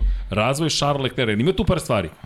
Ok, jasno nam je da si emotivan, ali da li to je ovo što si rekao, kao vođa ti treba toliko da insistiraš, jao, ja sam glup, nisam, nije smeo ovo da uradim, ovo je velika greška. Ne, moraš to da staviš ad acta. I to je neko isto prokomentarisao na Twitteru. Verstappen pogrešio, pogrešio sam gotovo sledeća trka, tap kraj. Lewis Hamilton pogrešio sam, tap sledeća trka, idemo tap kraj. Ja sam već u Mađarskoj. Nema francuski, Francuska je daleka prošlost. Onog momenta kada si izleteo, e, ali morala je šta, da bude ja daleka mislim da je prošlost. to po svestom onoga što se dešava Gedom u Ferrariju. Što se on ne osjeća u tom timu ni povlašćeno, ni sigurno. E, Drugačija je pozicija Maxa Verstappen i Luisa Hamiltona, oni mogu da kažu da su pogrešili. Ali mislim da su i oni izgradili deki. Okej, deki, deki, okej, o. okej da Pa su, je. okej. Sve, sve Ali u redu. to što Deki Ali ja mislim da njega ni tim ne prati na adekvatan način, da je tu uh, da onako kompozicija svega. Ima Pitanje tu, da li bi ima ga tu pratio i da se nameće. Ima tu mnogo za analizu, znaš, ima tu, to, vrlo je kompleksna ta priča vezana za Ferrari. Ali nisu uspevali šampioni u Ferrariju, a, a Charles Leclerc Zato ti kažem, Je pitanje da daleko li od bi toga. uspeo i da pokuša da se nametne. I slaži se Čak neki. to.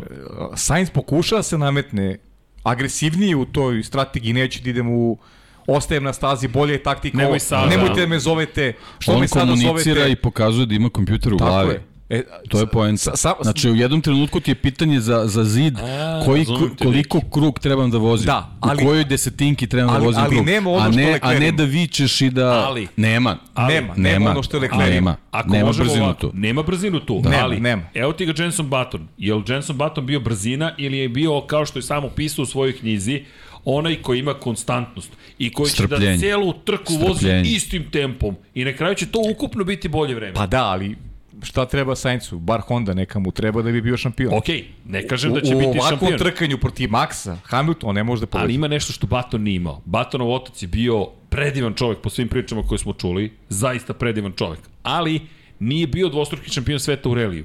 Nije bio politička ličnost u svetu automotosporta kao što je Sainz Slaže stari. se, to je na Dekija priča, to, to nije sporno. I Ma, Carlos Sainz je ikona FIA, ne, Ikona ne, ne Fiat, pričamo. VRC uopšte. Ne, ne, mi pričamo o legendi automotosporta. I sad, Nije on ti je otac, on te savetuje, imaš još jednu stvar, ti si zauzeo stav i ti možda možeš da se nametneš u celoj ekipi. Mislim da je Charles zapravo misleći time što je eliminisao, setimo se i Netflixa kako je eliminisao Sebastijana Fetela, nije mu smetalo kada je Fetela izbacivao iz ekipe.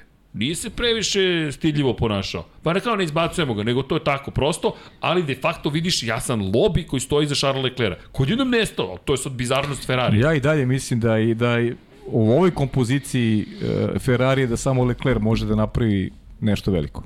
Dobro, ali vidi, evo ti koliko je... U, u sve ono što Pa da, ali da bi, da bi napravio da- veliko njemu treba bolid eh, ranga Mercedesa u prethodne dve sezone. Evo, pa, pa bolid Ferrari. Mislim da, da pa ne, Bolid ne, Ferrari ne, nema mislim da, sezone. mislim da nije, nije ni blizu. I, i, i adekvatna Ni podrška blizu. tima. A, mislim da, e, ali to je to što nedostaje iz jednačine.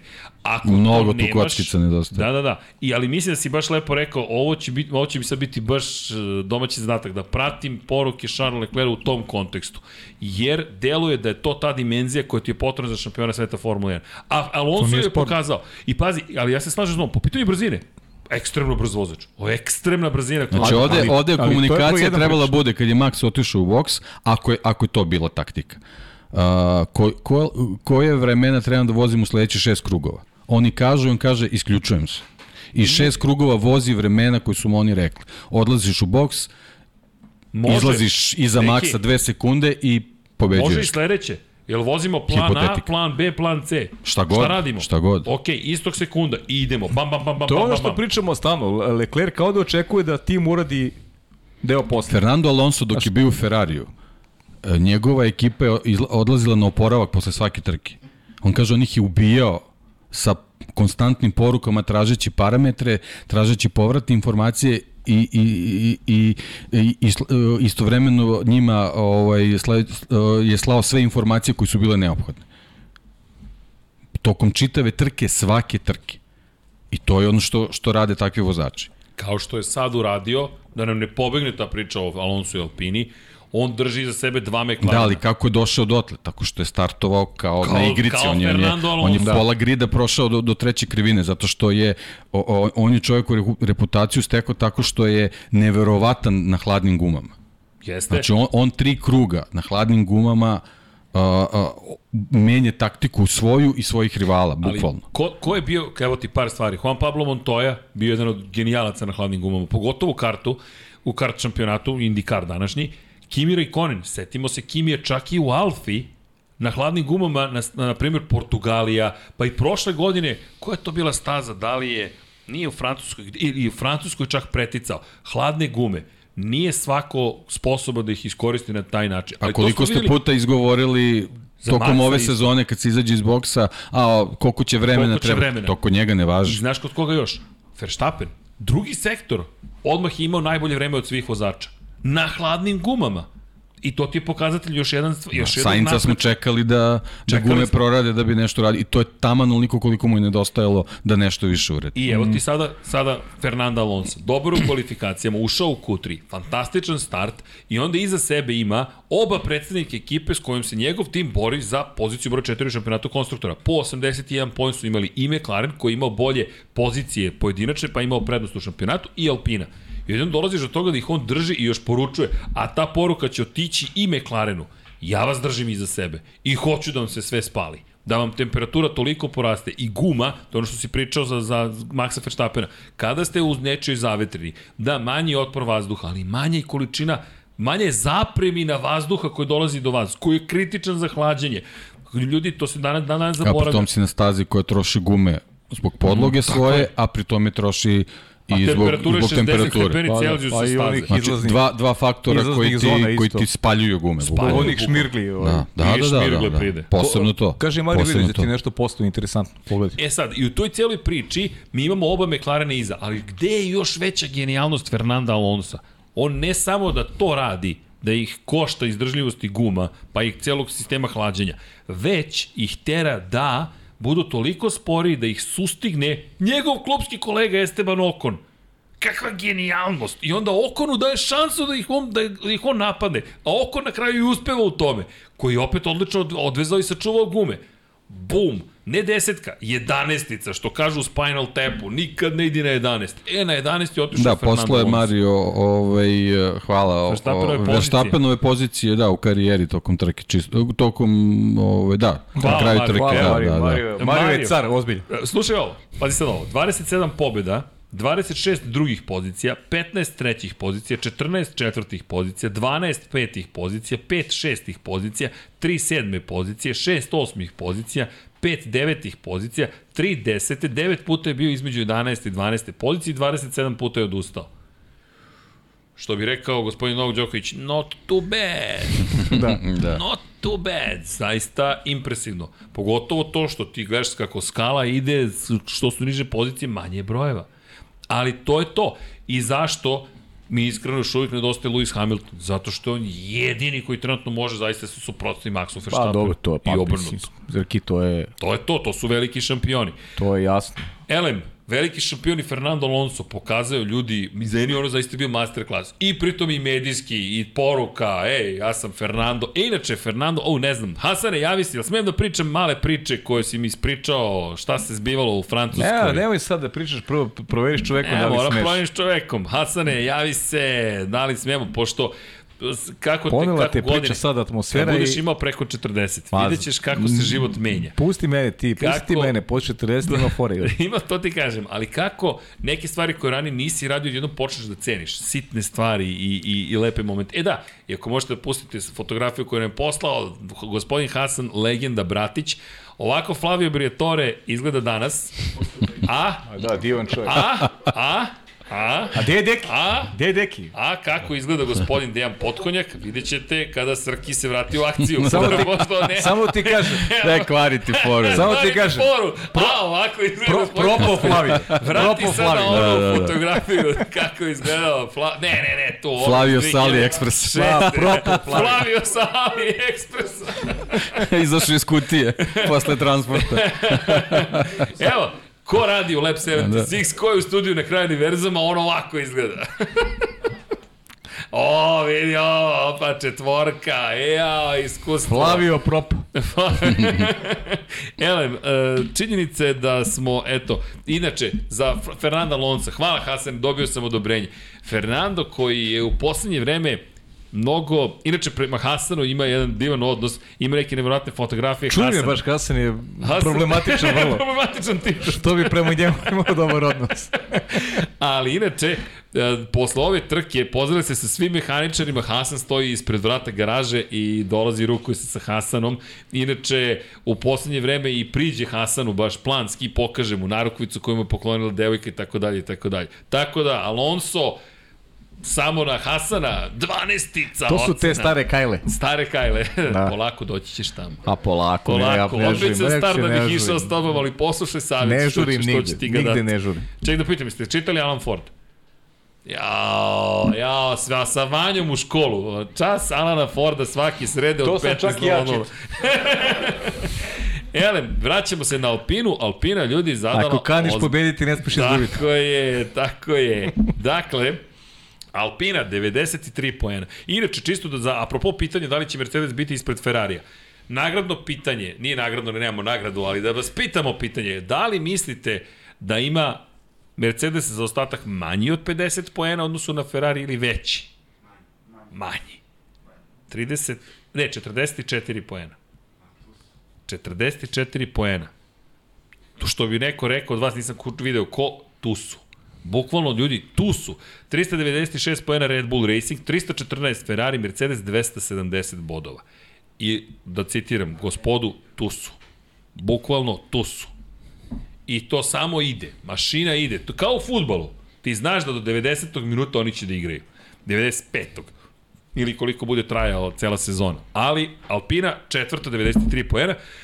McLaren. Ljudi, šta ćemo s McLarenom? 7. i 9. 7. i 9.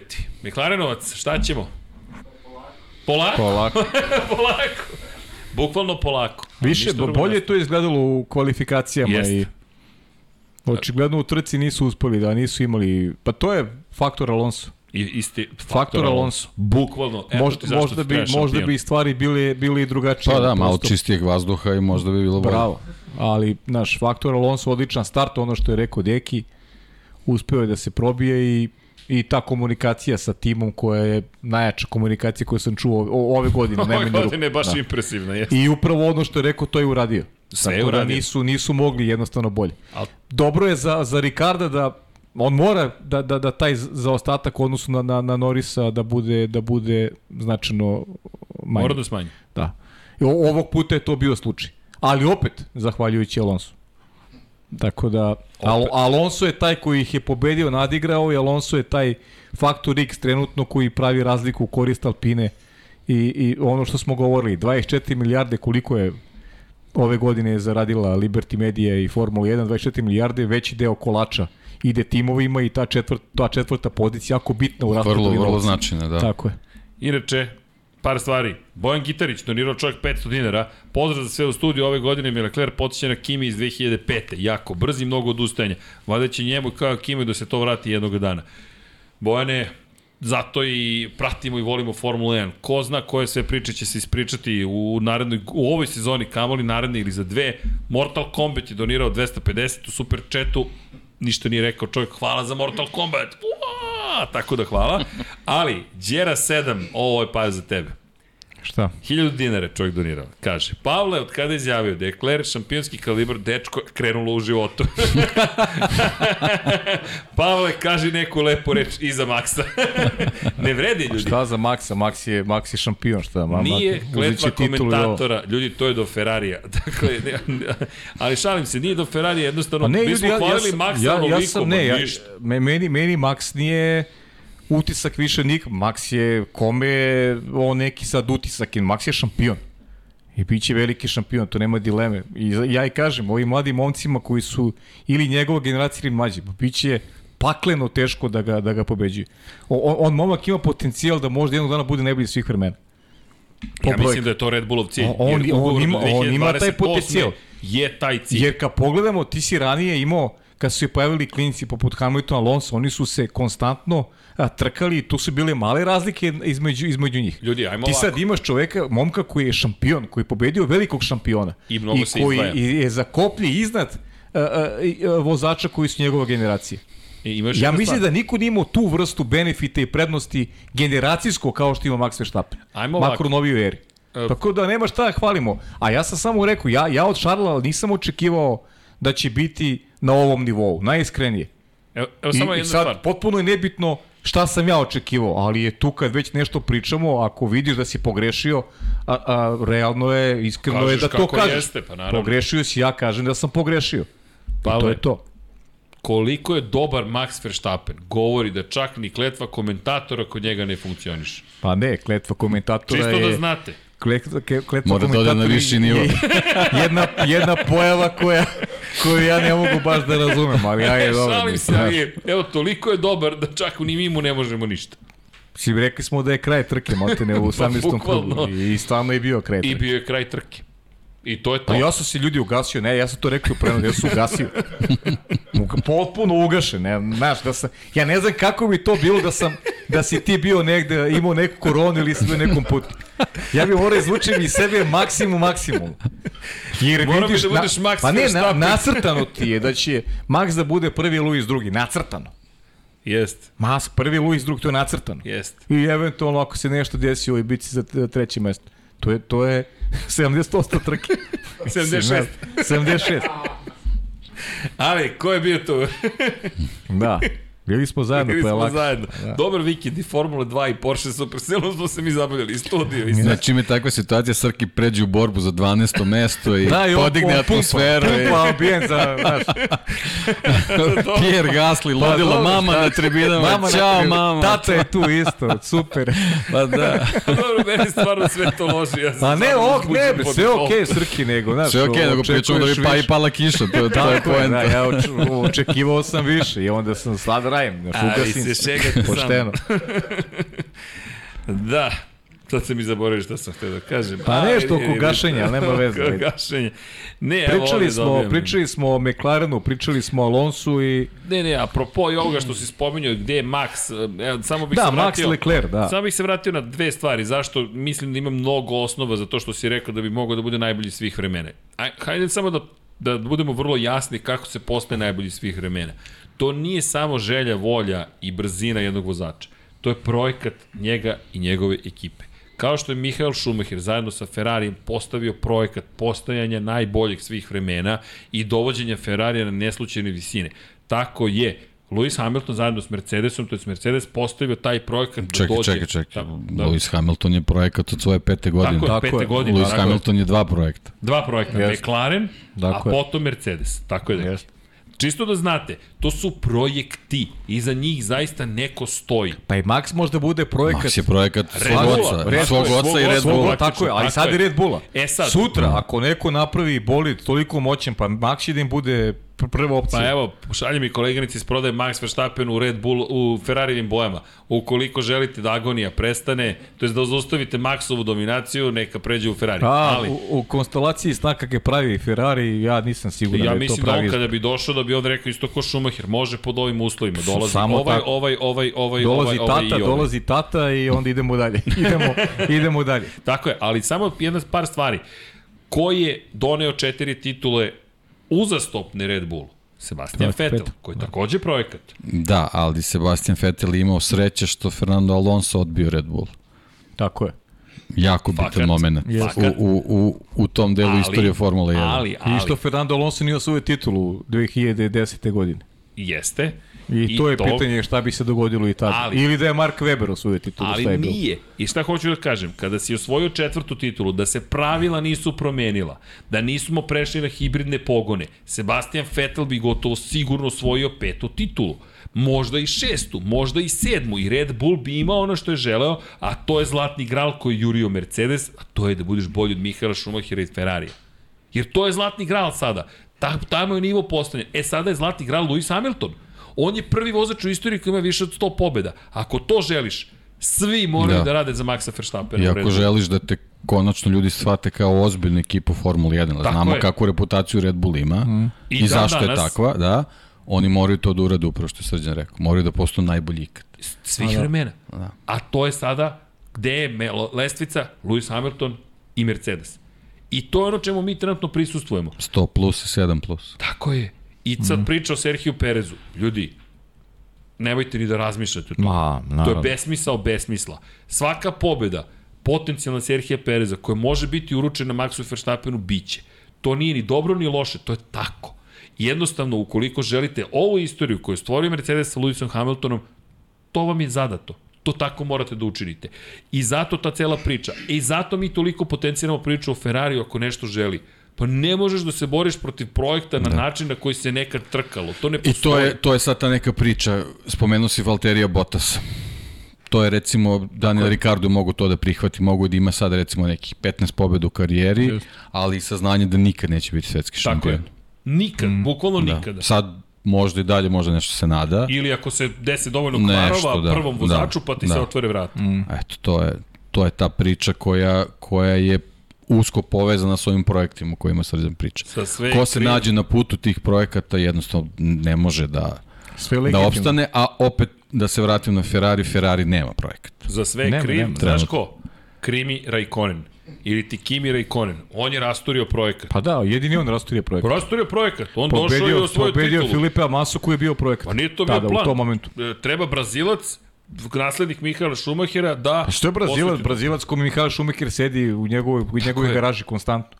I da dođe Kimi Kimi, Raikkonen kao on usamljeni očenik, sedi sam tamo i bori se sa ima vetrenjačama sladoled, bukvalno. i, i os, osvaja šampionsku titulu. I To je, to je posljednji čovjek koji je pobedio da nije bio projekat. Pa ja, da, Da. možda Jenson Button, mislim da to nije postao. Pa Ne, ne, to je bio. slučajnost, nije on bio je- to- to- to- je, to je To je Ross Brown, to nije... Pa da. to je Ross da. Brown se desio. To nema To, veze, pro, da. projekat je bio Ross Brown. Tako je, ne, on, Brown Grand Prix. On je projekat, znaš on je kako? projekat. Tako je. Pa ne, ne ako ćemo iskreno u toj čitavoj priči, Rubens Barrichello treba bude svetski Pa šampion. da, Trebalo je da bude Pa šampion. Jest. nego eto Jenson Button iskoristio neku neku svoju situaciju. na početku, imao dobar pobedio dobar dobar pa dobar taj zamajac je imali generalno. Rubinju je čitave sezone onako nekako bio konstantni i Jenson je prilično pao u finišu godine. Da, da, da. Pa Red ozbiljno, Bull ih da. je sustigao i Da, da, pretekao da, u da. veliko. Jeste. Pa Brown Grand Prix nije mogao da isprati taj Pa tempo dobro, pa razvoja. naravno, ni, da. I normalno. Ali, Ross je Ross. Ross the boss i dan danas. Da, da je bilo tada 22-23 trke, Vettel bi imao pet titula danas. tako je. Vettel bi imao pet titula danas i 2009. bi već bio šampion sveta. Ali, drago mi je što nije zašto samo zbog Jensona Buttona, jer to je jedan gospodin koji je zaslužio to. I, I velik vozač, to je jedan od redkih vozača koji je pobedio Da, ova, ova slika, malo duelu. što smo gledali, to je prva pobjeda Jensona Button. Koja slika? Ono što ti sa Briatoreom. Ti sa Flavije, a ovaj i- automobil će A, da, da. Mađarska 2006. To je to. Bravo, To je Ti i Lauda. Da, da, da, to je sa Ništa ti kad se pojaviš baton pobedi. Kaka, pa zamisli To je, to je, ne, to je ludnica, privilegije ludnica imali kako su taktika. Briatore privilegiju imali? i, i Lauda da se da su slikaju sa da, Da, da. traže. Da su znali. Ili, Ali, ili kakva je naša privilegija danas? Sedimo sa... ustani. Nemoj sediš, znači. Nećemo da preterujemo. Nećemo da preteruje. Polako, deki, čekate Mađarska tamo na, na Sonyu. Jao, kako ćemo da se igramo. Ništa, ajde sad dojavljujemo. ne, čekaj, sad imamo McLaren tek. Završili smo s Završili smo McLarenom. McLaren, šalim se, McLaren. I oni su završili, mi smo završili. Da, McLaren, ali samo Haas, da konstatujemo. Čekajte, Haas. čekajte, samo jedna bitna stvar. McLaren ima B, B, B de facto specifikaciju. Možda je ne zovu B specifikacije, ali ljudi velike su izmene viđene. I kod Alpine, i kod Mercedesa, i kod Ferrarija, taj novi pod, ali kod McLarena baš vidna promjena i imamo jasne Ne filozofije. znam, McLaren, ovo prednje gibljenje, nisam te na početku sezone mnogo da pričam, ali mislim da Iste muke kao 2013. Iste Vraćamo muke, se unazad. iste muke. Ista priča. Baš Oni su to ne mnogo da unazad, naprave. mnogo unazad su je. otišli s tim. Ne znaju da naprave Da. taj deo bolida na taj način. Ta takozvana pull rod suspenzija, da. to, to imaš vučnu, imaš i potisnu. I sad ti ideš na pull rod, ne znam, za, za, zašto ti ideš na tu po, vučnu sponu, ja meni to nije jasno, kad znaš da ne umeš to da napraviš, ne znaš da projektuješ.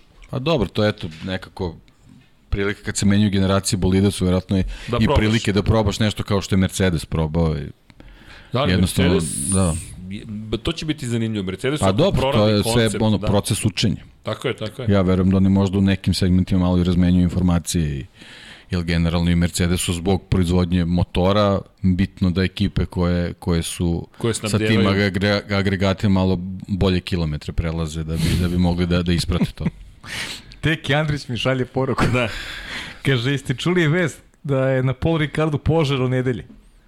Ne mogu duga se, kaže, ne, e, spalili su gume ovi što su bili iza Alonso i ne mogu duga se požar. Gore Sjajno. šumski požari besne, da. Fernando, Fe- e da, i da napomenemo, Louis Rossi, prvi čovek Malpine je rekao, naredne godine će biti i Fernando Alonso i Oscar Piastri u Formuli 1. Što znači da sigurno Williams ne ide uh, Fernando Alonso, već pretpostavljamo Oscar Piastri da će se naći tamo. Postoji čak neka priča, navodno da će Ralf Schumacher da ide u Alpinu umesto Lensa Strola, ja u to ne verujem, ja, ja ne vidim da će odreći usluga Lensa Strola. Pa zbog čega? Kako? Zbog... U Aston Martin. Da, da, rekao si rekao, a Aston Martin. Misliš, za, zašto misliš? Zbog kvaliteta Lensa Strola ili zbog nečeg drugog? Zbog nečeg drugog. Zbog nečeg drugog, dobro. Da. Tako Zato kaže. što je Da. veliki strateg i zato što... Šalnu stranu, postoji jasna veza, njegov otac jeste vlasnik i koliko se poricalo da je to bitno, ljudi, da moje dete vozi za, za moju ekipu. Pa, te kaže, šta ću da ga Ljudi, otpustim? koliko je trka u Formula 1 izazao Markus Eriksson? Lance Stroll apsolutno pravo ima da bude tu. Da, okej, okay, okej, okay, deki, deki. Deki večeras u, u Mortal da, Kombat mislim. raspoloženju. Fatality. Nemojte da ih napadate. Mar Markus Eriksson je pobednik 500 milijuna. To je druga priča. To je... To je Vidjet nešto- ćemo kad Lance Stroll pobedi 500 miliona, onda ćemo pričamo. Ozbiljnije na tu Što, temu. što On je da kanadjanin, on verovatno gleda ka tome. Tako je, tako je. To, to mislim da je sigurno gotovo. Ali samo da napomenemo da eto Oskar Pjastre negde Da, očekujemo, možemo, ali možemo, bitnije mi je- postavimo S tim, stvari što, malo... s tim što kad se dođe u IndyCar, njegov tata može kupiti ceo šampiona. Pa da, ali možemo postavimo stvari drugačije. Ostvario se, Nemoj ostvario se u kada je smislu kupio, bilo je Lance Stroll je vozio Formulu 1 i misliš da možda napravi neki iskorak već, ne može. To je to. Pa ja mislim da je ovo njegov maksimum. Pa, o tome ti pričam I i- momak je bio sjajan u pojedinim situacijama, svajao pol pozicije, bio na pobedničkim postoljima, ali mislim da je to to. Nema tu konzistentnost koja je neophodna da bi zaista bio u Formuli 1. Ti ako hoćeš da ideš dalje, ti moraš da, da imaš nekog ozbiljnijeg vozača. Mislim, to, to, je, Deki to je, je lepo realno. rekao, ne možeš ti da budeš spor vozač, da budeš u Formuli 1, ali to nije dovoljno da bi uspeo u Formuli 1. To je ono što je suština. Isto kao, ne znam, evo, gitara.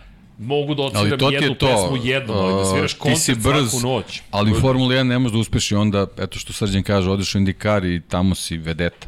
Pa da, Bukvalno. ali ti kažem, o- Bukvalno. o- Ovo je on najkompleksniji njemu, šampionat. njemu je tata već otvorio ozbiljne vrata. Jeste. Vozio u Formuli 1, ideš dalje, znači neki maksimum si dosegao. Pritom, o, otićeš iz Formule 1 kao neko je bio na podijumu.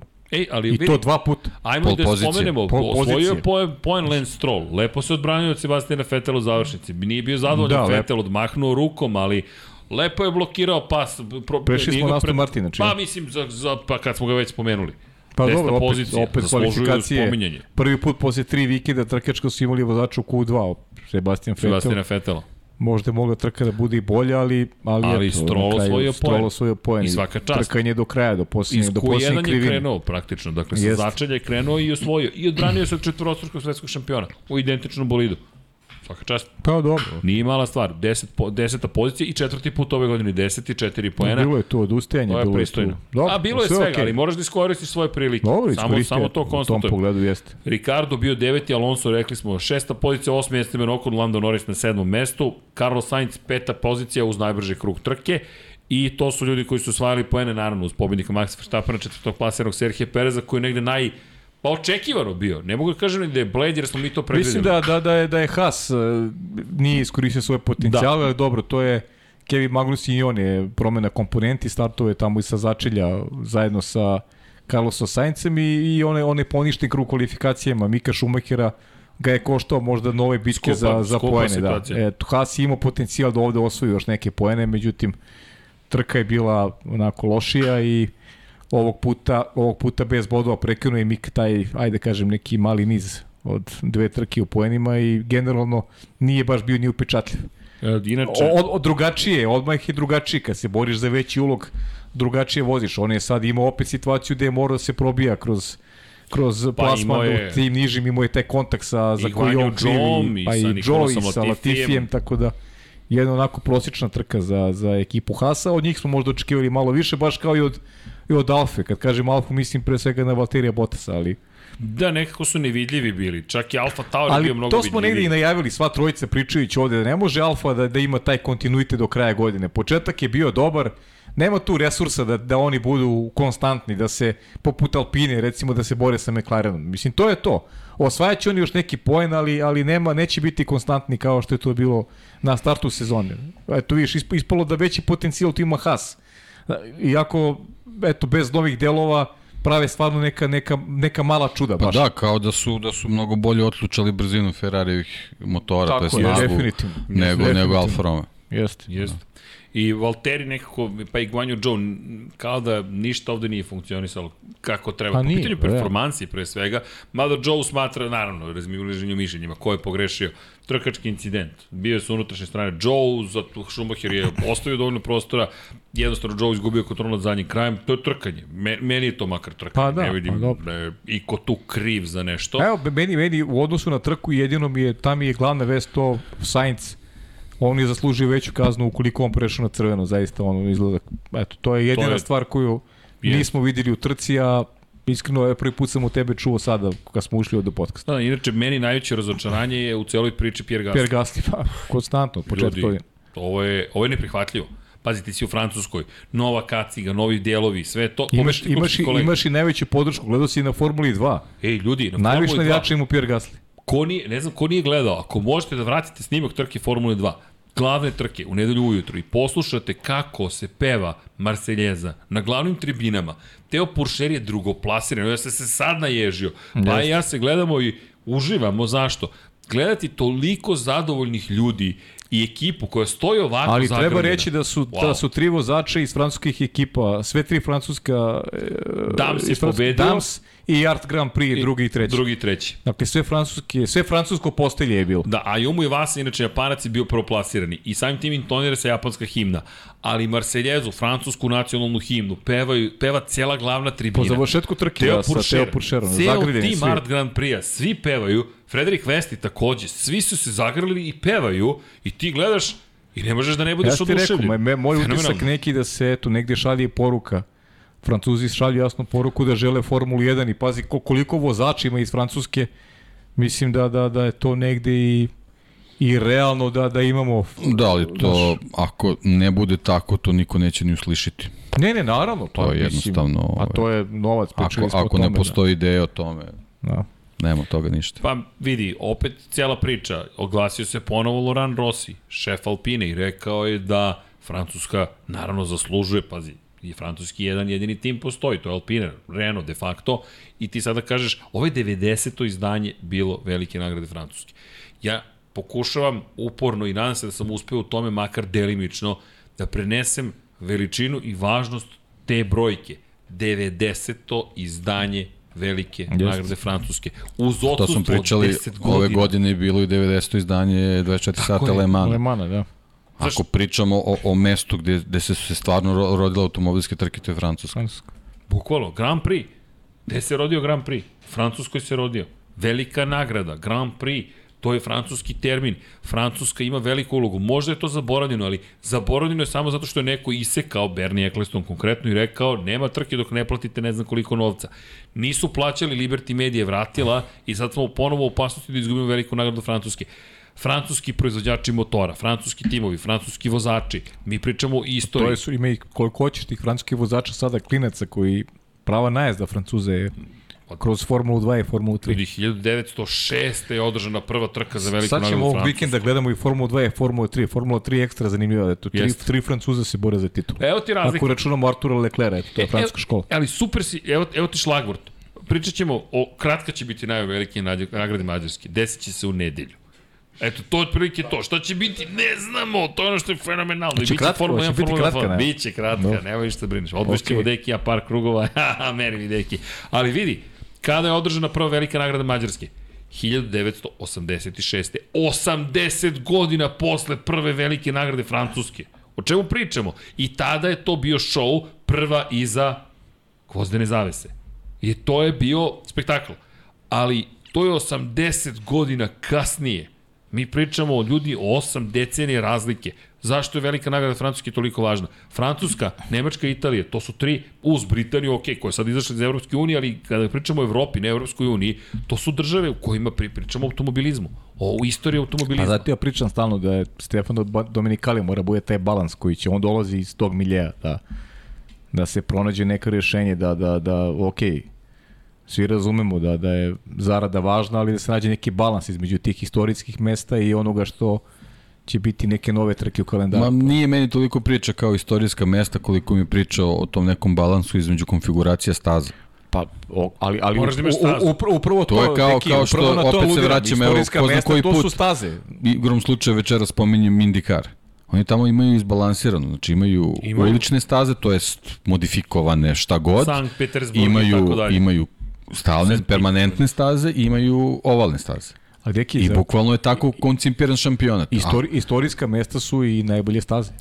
Pa generalno da, To je je, to. Mislim, to je nekom Za- i reputacijom se došlo do istorijske toga, staze. da. Ali, znaš, ti imaš neke istorijske staze koji su iz razno raznih razloga već izgubile i poziciju u Formuli 1 i odavno ih nema. Pa, tako dobro, da, to- to, to je sad i diskutabilno. Mislim, svi pričamo recimo Spa konkretno.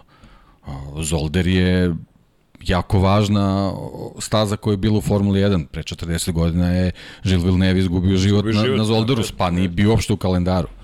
Tako da, mislim, diskutabilno je sad kao da pričamo koja je sad tu zaslužila, koja nije, ali jednostavno a, u organizaciji Formula 1 moraju da vode računa o tome, moraju da vode a, računa o profilima staza. Znači, mi ne možemo da imamo u modernoj Formula 1 kakva je da imamo pola staza koji će se voziti kao u Monte Carlo da imaš prosek brzine 120 km na sat. To, to, to je to. to Besmisleno je. besmisleno potpuno. Besmisleno. Ili da imaš opasne, opasne Moto3 druga, druga polovina a, staza da bude opasne kao što su Jeddah ili, ili, ili ne znam Baku, na primjer. Ali- to jednostavno ne, ne može tako da bude. Ali vidi, Ne bi trebalo tako da bude. A pri čemu Francuska prva trka održana bila u Le Mansu 1906. Čisto da se razumem, nije ovog oblika bila staza, ali ljudi opet to je to mesto, to je Le Mans. Mi govorimo o 116 godina vremenskog razdoblja.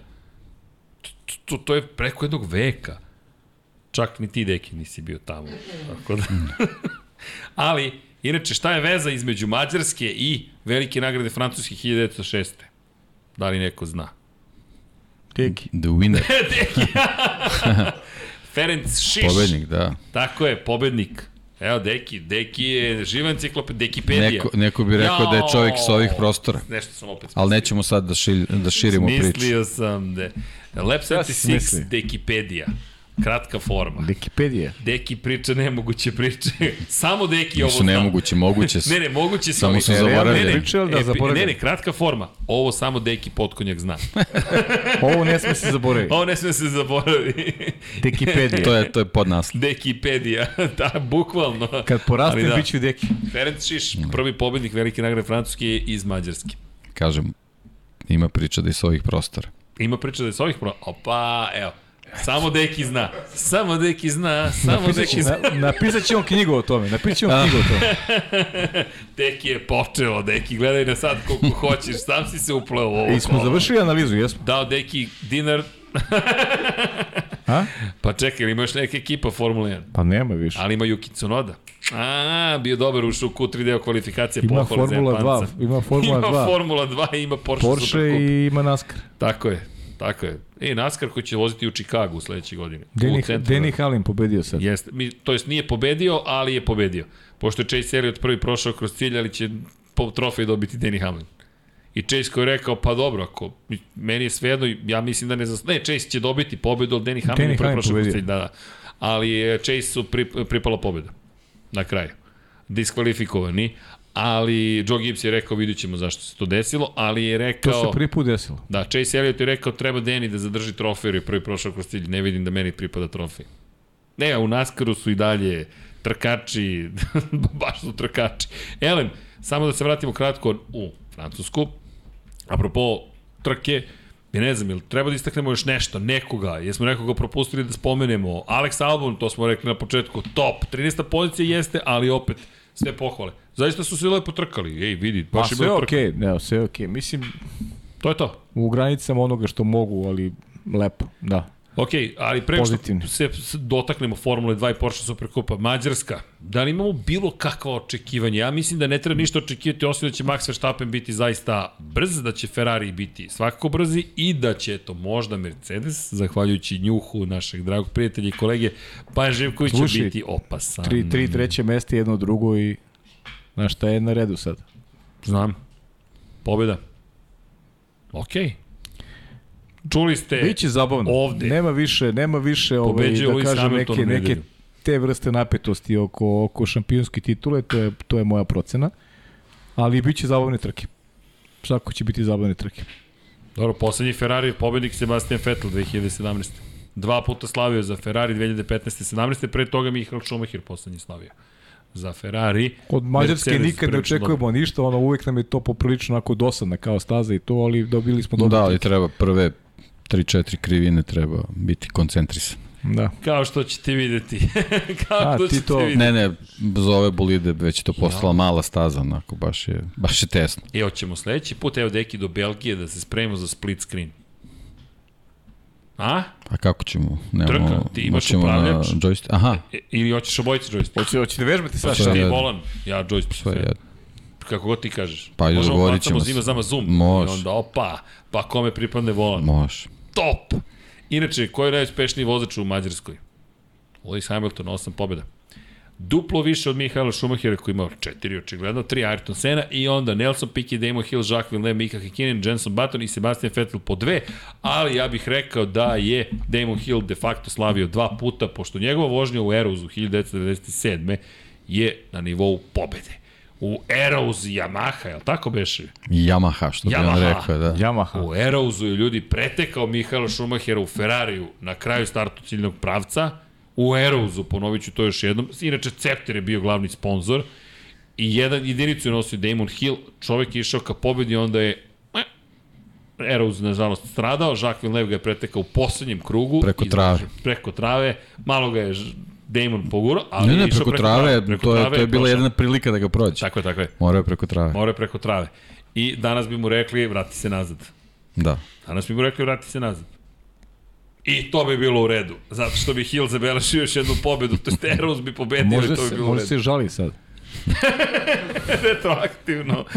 Da pokrenemo peticiju, vratite pobedu Vratite Damonu Hillu Hillu, pobedu. Hillu I pobedu. da oduzmu titulu Vilnevu, pošto, pošto ga Jel- ti onda ne bi udario. Pa, Aha, da. ti Danas ima tih Ali pravila. ne može, zato u, Pa, može retroaktivno sve. A to, Sve može u šta smo imali u Formuli 2? U, u, ili smo u subotu imali... Formula 2, ne znam, jesmo proverili da li su rezultati ostali Ne da znam, važe. za nedelju trku ne znam, ali u subotu ne- nisu Ne važili. znamo. Da, ali završite Probudiš trku. se, probudiš se u nedelju i vidiš da poj pike ne važi ono što si radio u subotu. Da, da Teo Puršer nije na pobedničkom Kao povratku u budućnost nema pekara. Da, Pa da. Nestao je. Nestao je. Pogledaj se na slikama, nemate. Teo Puršer proslavio sa igračima treće mesto i probudio se ujutru i shvatio da nije treći.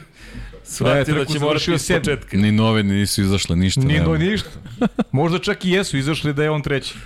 Ali Da. direkcija trke rekla da je on dobio kaznu 5 sekundi i on je na kraju bio sedmi. Jeste. I kada govorimo o tome, inače je zanimljivo, makar meni, Felipe Drugović, mnogo navijača Teja Poršera se buni, kažu za Felipe da zapravo to nije pravi šampion zato što ne vozi dovoljno za pobede. Pa da, ali, šta ima četiri pobede? Koliko treba da ima pobede? Koliko ima Teo pobede? ne znam, Teo ima dve. A on ima četiri. Četiri, tako je. Ja kad pogledam sezonu, ko ima najviše pobjeda? Teo, Felipe Drugović. Felipe Drugović. ne znam šta se Pritom buni. Ako ima, pritom- ima armiju menadžera, ako nema nikog. Koje nema niko. Felipe. Pritom dečko, dečko vozio strašnu trku u nedelju. Tako je. I malo mu doslo dođe do podijuma. On je strašnu trku vozio. On se strašno, bukvalno, bukvalno se bori za karijeru Ma- u sezoni, šta se Tako treba da... momak čuva gume, da vozi rizikuje sjajno. svaku trku. Ma ne, vozi sjajno, apsolutno. baš vozi sjajno. Pri čemu Liam Lawson Filipe. koji je rekao ja idem na sve ili ništa i Filipe rekao Pri tom ok, evo ti- Filipe, sve ovo što radi je bukvalno čisto preživljavanje, u stvari će mu ogromno iskustvo biti Ja moram priznam za, za Teo Pučera sam očekivao više ove godine. Mnogo više. I, i zapravo... To su, to su tek, i par, pritom, za razliku od Leklera, on je taj koji vozi sjajno ovim domaćim on, stazama. on će biti projekat. Biće projekat. On je projekat. Da. Pa I, dobro, je. I pritom Je. vozi sjajno. Mora on to prvo da opravda da bi neko zaista stao Znaš za njega. gde je pobedio prvi put u Formuli 2? Prošle godine u Monaku. Ove godine u Monaku bio drugi, sad je opet vozio sjajno u Francuskoj. On na domaćoj stazi očigledno da je tu negde motivisan maksimalno i vozi sjajno pred domaćom publikom i to je njemu benefit ozbiljan, jer tu ga publika najviše gleda. Pritom reditelj, znamo kako francuski reditelji to vode, ne zanima ih šta radi drugi Porsche vozači. Supercup kvalifikacije. Samo francuski vozači Samo, zanimaju, ovaj drugi ovo ne postoje. Ne postoji. Obacili su čak i, i Latorea koji se ne takmiči uopšte. Gostujući vozač prati ga celu trku. Gledam Latorea koji se ne pita, ono, nebitan vozač šampionatu, ali mi gledamo Latorea šta radi. Zašto? Pa Francuz. Pa Francuzi, šta da radimo? Mislim, to je, Bože moj. Da, da, Tako da, šira slika. Molim, ko, šta, kako?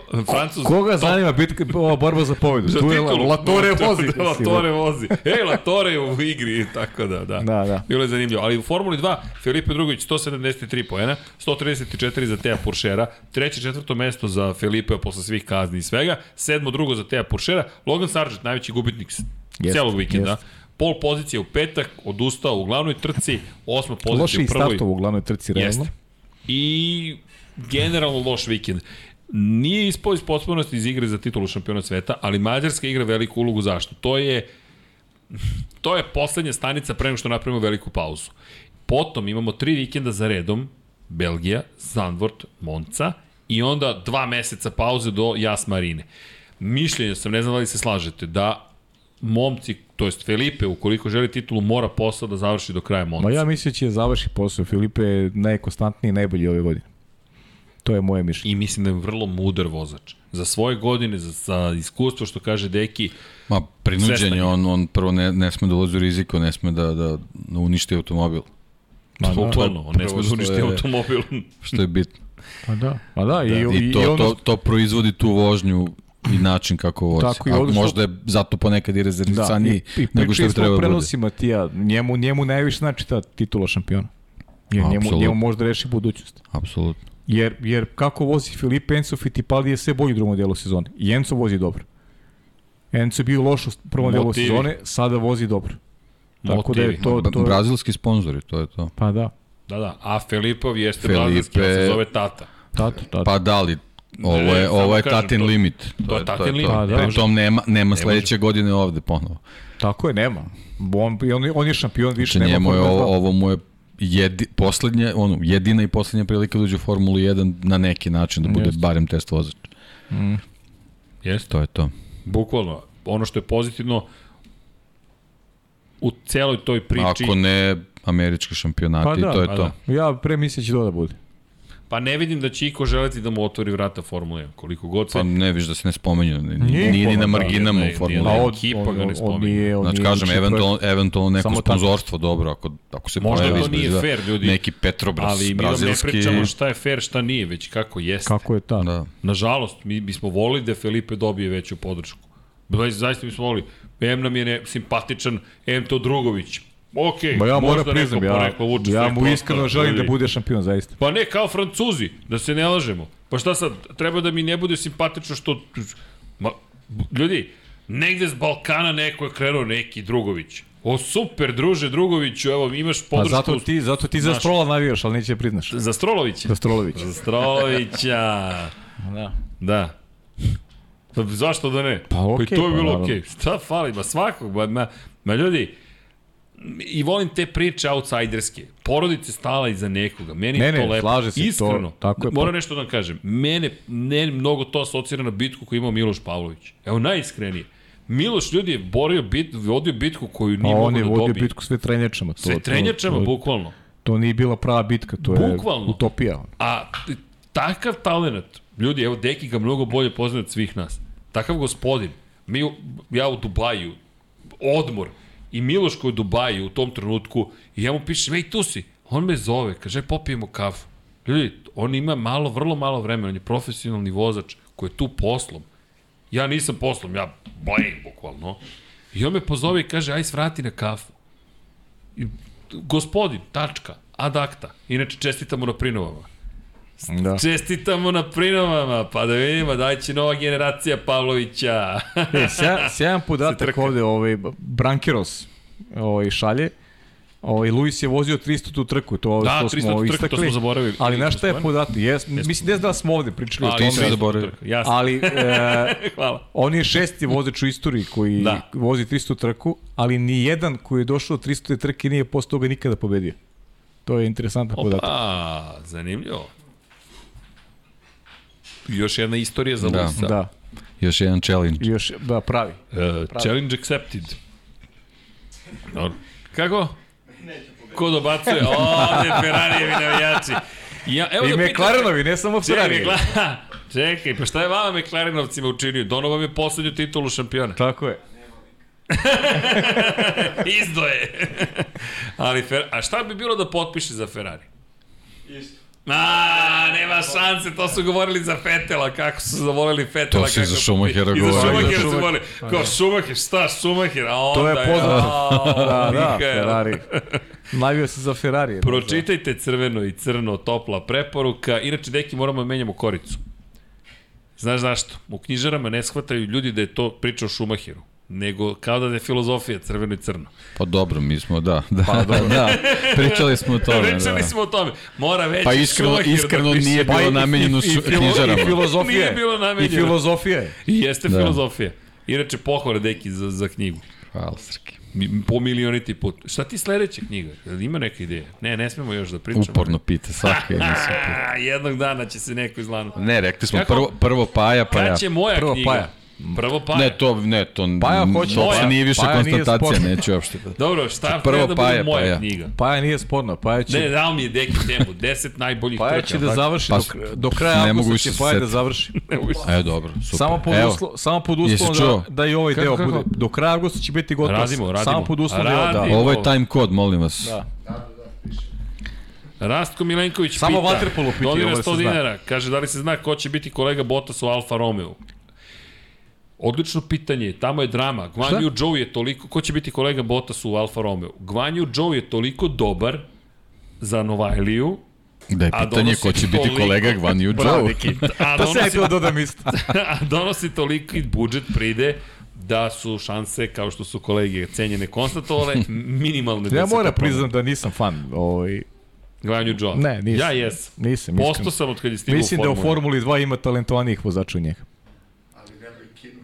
E, ali nemaju To kinu da. iza sebe dobacuje. e, sad zavisi šta je, za sad stolom. zavisi šta je ovaj E, čekaj, perspektiva Al, Alfa Romeo, šta hoće. ju, izvinite, izgleda. Ili Zauber. Ili za Ober, tako je. A jesmo mi tu imali botove na početku. Uf, Koliko hoćemo. šumu. Stvarno, toliko smo popularni da botovi moraju 7 dana da budu subscribe-ovani na kanal da bi, us, pa- da bi ušli kod nas. Pa to je hit. Pa ljudi, mi smo uspeli. Mi smo Čim uspeli. ima botovi, znači da, da smo super. Tako je. Pa, da, da, to je, pa ovo je fenomenalno. Pozdrav svim botovima. Na pravom ste mestu možda pokupite i malo kulture. A kad ste već tu, udrite like. Kada već botujete, da imamo i koristi A i od vas. subscribe da biste bili botovi. subscribe Pošto... da biste bili botovi. Misliš da znaju šta to znači? Ko, botovi? Nau, naučeni su, ne Naučili ništa. su Ima, nacrtali su im. Kad je Ima. palac, ti klikneš. A, to znači. Tako da, ajmo botovi. Edukacija. Like jedan. I tako. U svakom slučaju, u svakom slučaju, slučaju vreme je da vozimo, je tako? Aj, vreme je da vozite, stvarno da vidimo. Vreme je da vozimo, pa ćemo da se...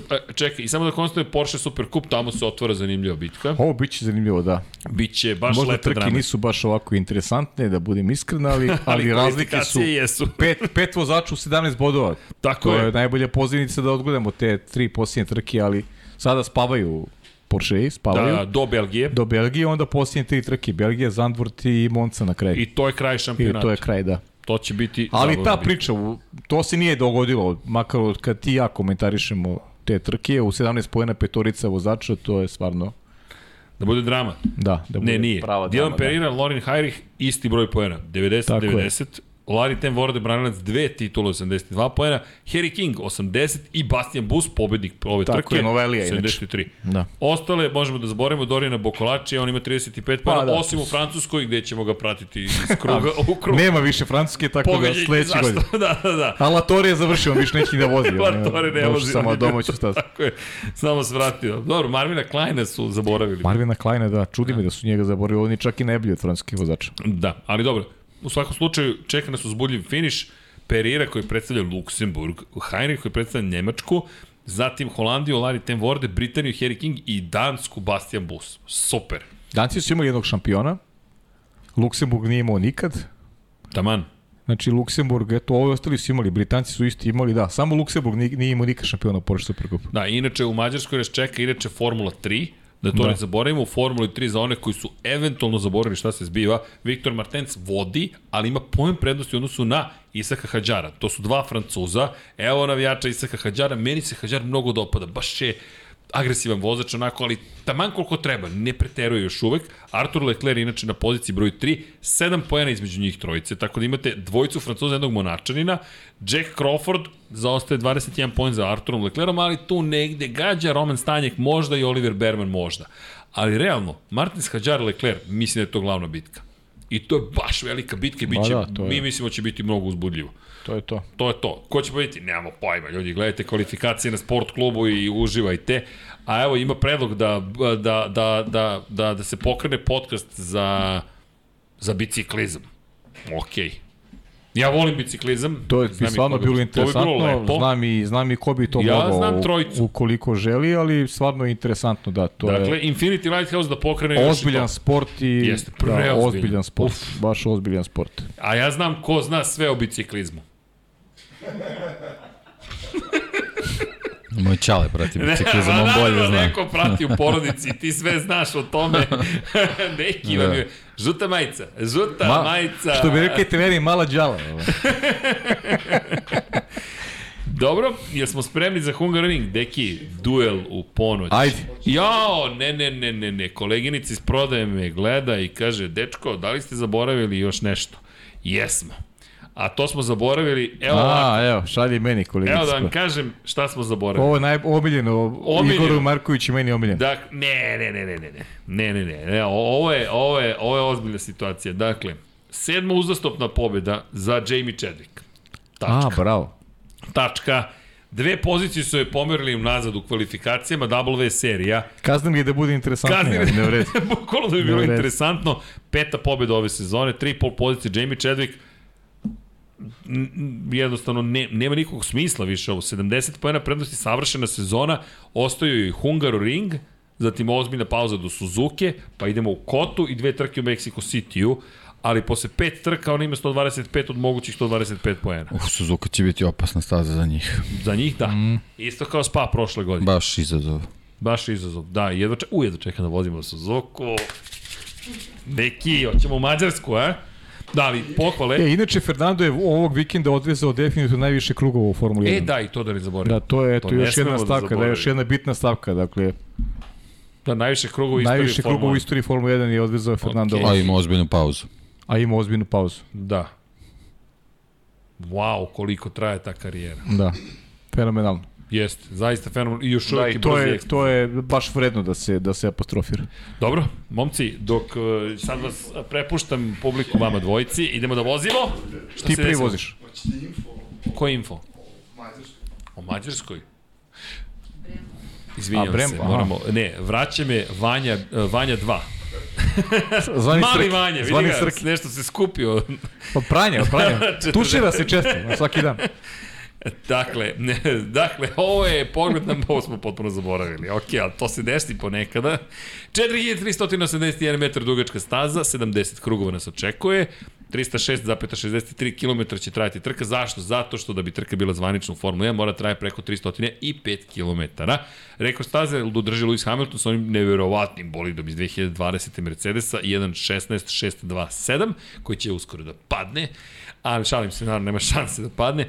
Dakle, kada je reč o nivou prijanjanja same staze, četvorka od 1 do 5, kada je reč o kočenju, dakle, ako ja sve dobro čitam, a dobro čitam, trojka od 1 do 5, zatim upravni, upravno opterećenje od 1 do 5, trojka, opterećenje guma takođe trojka, razvoj staze, staza će biti sve brže i brže kako bude vikend proticao na stepenu broj 4 od 1 do 5, koliko god da je trkačka staza, puno peska oko staze i samim tim čišćenje će poslužiti, čišćenju će poslužiti i Formula 2 i Formula 3, prija, pa i W serija.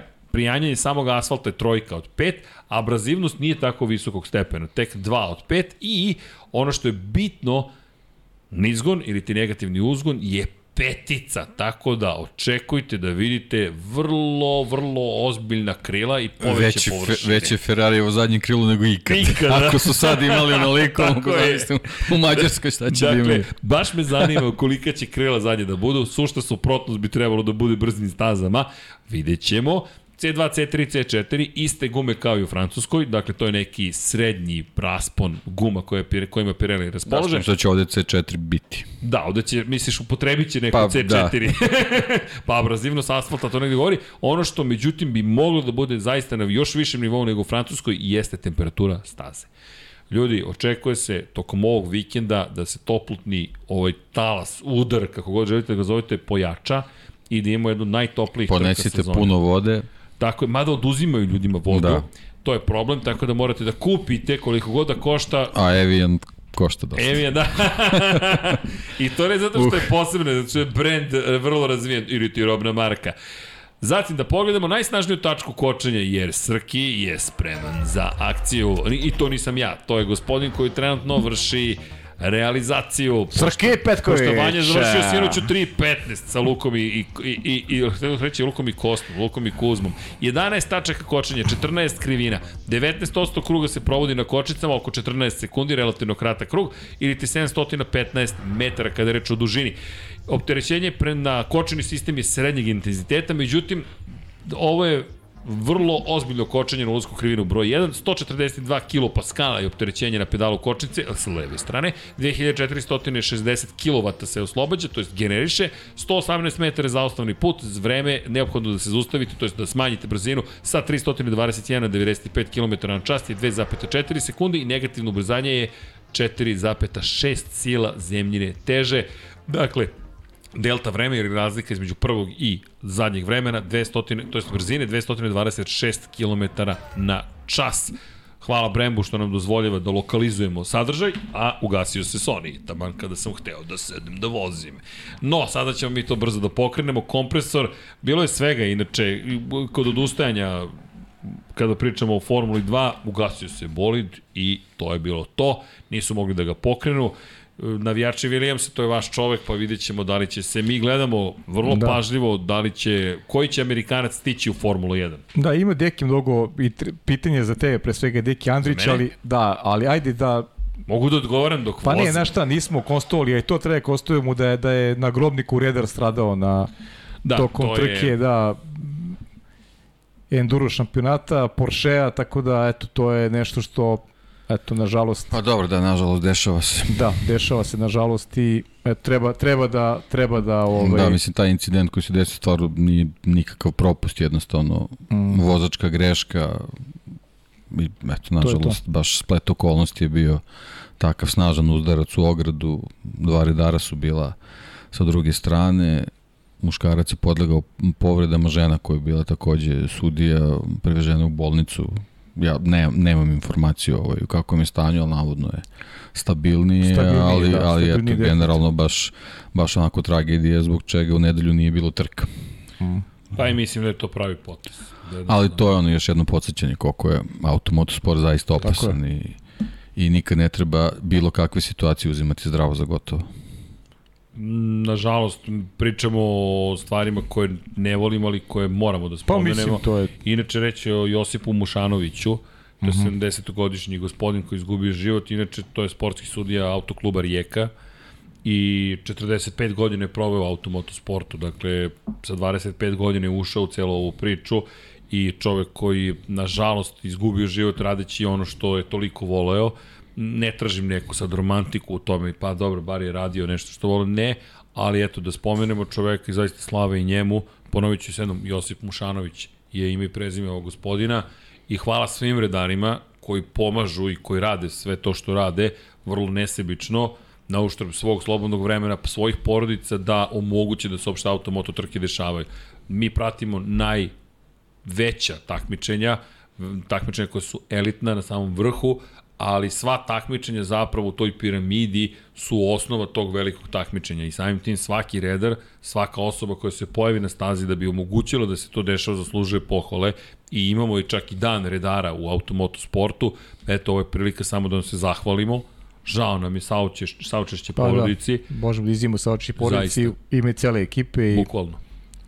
Nažalost, ne možemo da, da vraćamo ljude, ali eto, još jednu osobu koju treba spomenuti, Josip Mušanović, dakle, u pitanju i mi držimo palčeve da, da takvih stvari nećemo, da ćemo zaista vrlo redko spominjati, inače Ljiljana Kamenar je imala lakše povrede, tako da je ona dobro i van životne opasnosti da spomenemo i devojku, to znamo koja je bila tu.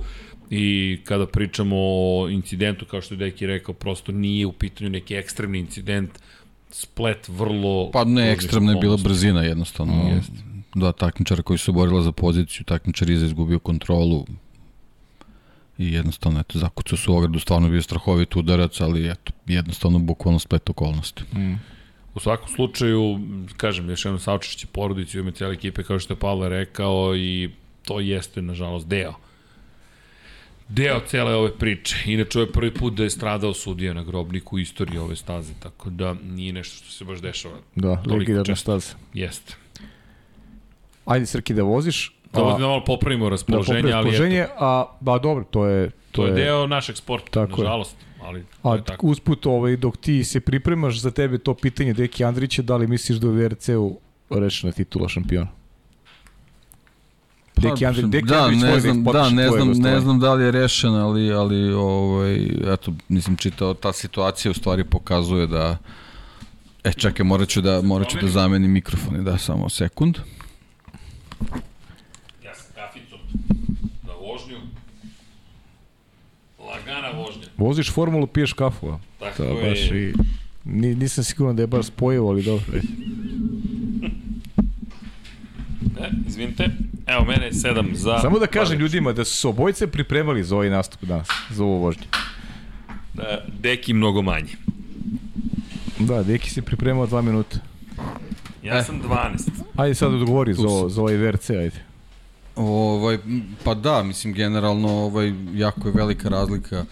Rovan Pera je onako stvarno ove godine iskočio i, i, i, i generalno ovaj, i Toyota je pokazala se odlično pripremila za, za, za ovu sezonu. Što se tiče ovih ostalih, eto, Thierry Neuville, mislim da je, da je sledeći koji ga prati, on je onako nekako već zaslužio reputaciju tog večetog drugog, tako da ovaj, veliko je pitanje da li, da li u finišu sezone može, može nešto, nešto više da, da uradi ovaj, i generalno ovaj, on se tu još bori za, za, za pobede, mislim, tu je Elfin Evans, ovaj, drugi, drugi vozač Toyota, od Tanak tu kao drugi vozač uh, Hyundai, ne mislim kao drugi vozač po, po rejtingu, nego eto po, po trenutnom plasmanu ovaj, osvojenim bodovima, tako da uh, Rovan Pera sa nekih 80 bodova prednosti mislim da, da je ovaj, jako blizu da, da zabeleži titulu.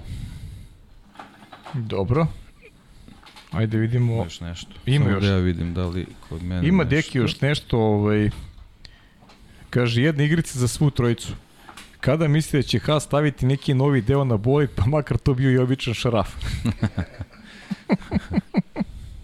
A najavili su nešto da će možda da će ipak biti ovaj do kraja sezone novih delova. Pa dobro, sad je pauza, znaš. Verovatno Da. ovaj, malo kad se oni presaberu da vide to sa budžetom kako je to sve pošlo, mislim, Mih, Mikih je onako prilično nazadio sa ona, sa ona dva udesa, tako da, ovaj, ali mislim, i dalje onako fascinantno kako oni pronalaze ovaj snagu iz tog Ferrari, uspevaju da izvuku i sa, da. i sa, sa takvom neevolucijom bolida, ovaj, tako da nemaju oni šta tu puno da menjaju, mislim, oni su svoj plan ostvarili i njima je sad jako bitno da sezonu završe bez, bez novih velikih troškova i da se fokusiraju da za sledeću godinu eto, ovaj, pripreme neki bolji budžet, jer mislim da ono što se desilo ove godine na ovakav način sledeće neće moći sigurno. Kaže, da li mislite da Ferrari ovu sezonu koristio test poligon motor menjače ostale komponente da dovede do perfekcije i da 2023. napadne titulu vozačku i konstruktorsku? Ne, mislim da ne. Da, isto, Mislim slažem da, se da ove ja. godine je sve na maksimumu pa kako proći. Evo, Posebno Branislav, što ono što smo rekli, mislim, Da. Mercedes ne spava, Mercedes stiže sledeće godine, tako da... evo najavljuje, evo Branislav Devi šalje odmah, kaže, u Kevin dobio neke nove delove za Haas. Da, a evo ima opaske vezane za Srkiju vožnju, kaže baš se vidi da se primetio, da se pripremio. Da se pripremi, da, pa da. A šta je uzeo da vozi, ne vidim. Mađarsku, Mađarsku. Ne, ne, ne, nego koji bolid? Pa belo je ovo je Haas, no? Haas, a? Haas jeste. Delo je po rukavicama, da. Ah, dobro. Priče srđane slobodno, slušamo te mi. Poznaj ljude sa stazom. To je koncentracija, ne vredi. Ne, ne prati nas uopšte više.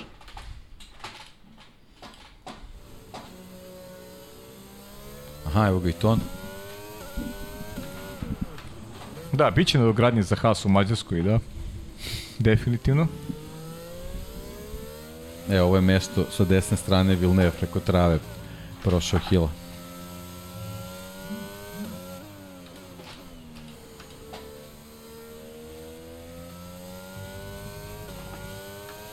Ovde će biti prilično tesno u uvodnim krugovima trke.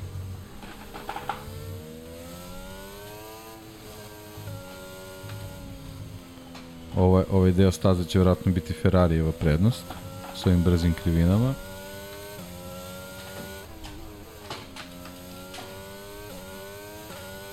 Nešto slično kao Kao Srki. kao Srki, da. Evo, bukvalno čitav segment do ovog dela.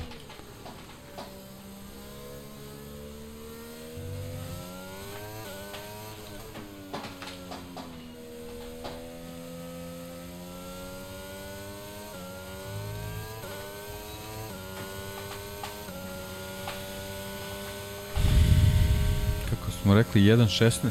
Kako je vreme bilo? Hamiltonovo 1.16 nešto, je li tako? Da.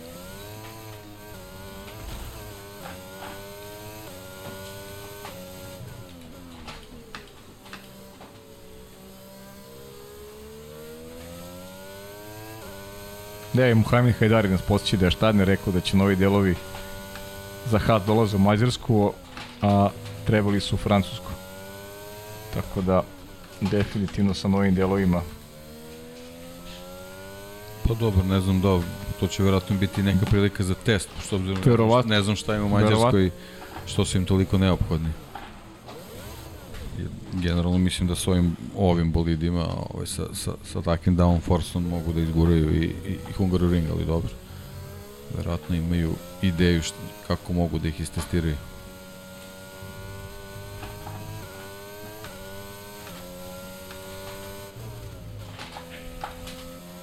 Srki, reci nam nešto. nešto, Ništa. nešto. Ništa. Ne zanima ga uopšte čovjek, ima svoju priču.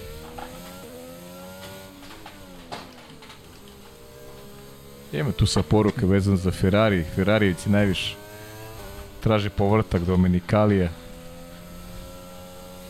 Mislim da tu više od jedne osobe treba da se ovaj, dovede. Zaista mora se pojača ekipa u mnogim segmentima. Baš. Šta mislimo Alonso, Aca Novković? Pa, Kaže da mu žao što nismo što se nismo upoznali, biće Acu prilike. Hvala ti na na gostovanju. Da, i hvala na... na Upoznao si, hvala i, i na na, poklonima, i na poklonima, svemu, tako zaista, je, da. baš. Vidiš da ovaj bolid Red Bulla sada krasi ovaj naš radni sto. On misli da bi da Alonso da bi mogli Alpina bi mogla sa Alonso do dva podima ova godina. Preambiciozno, zaista, vidjet ćemo.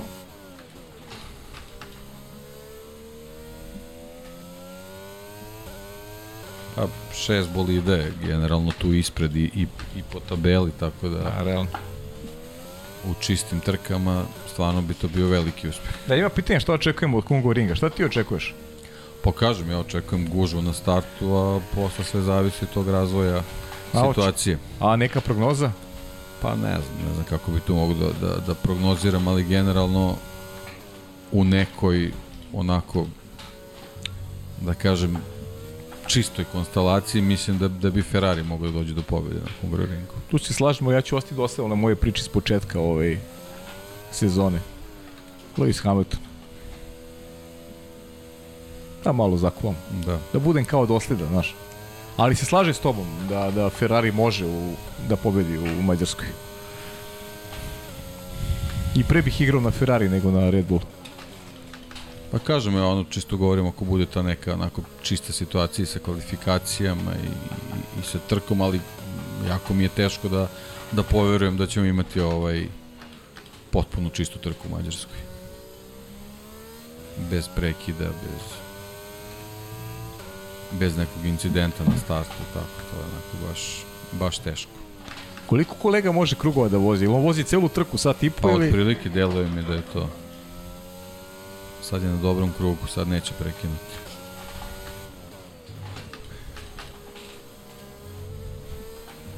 Dobro. Čekaj, idemo dalje, šta još ima? Ajde, dok smo još ovde u...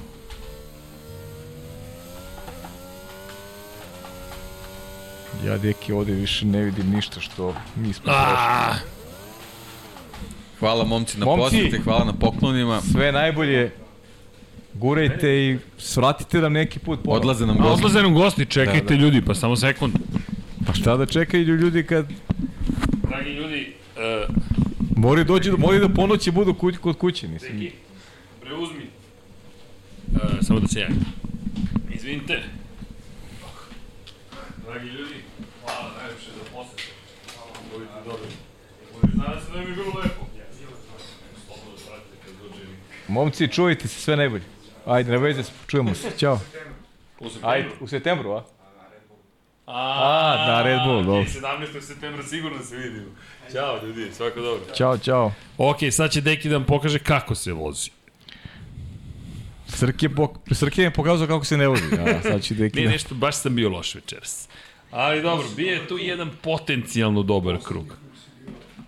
Poslednji krug je bilo dobro, da, da, da, ali na kraju Posljednji sam krug u Monci. A vidi ga Deki, opa, učilo se. Ja, vidi, opa.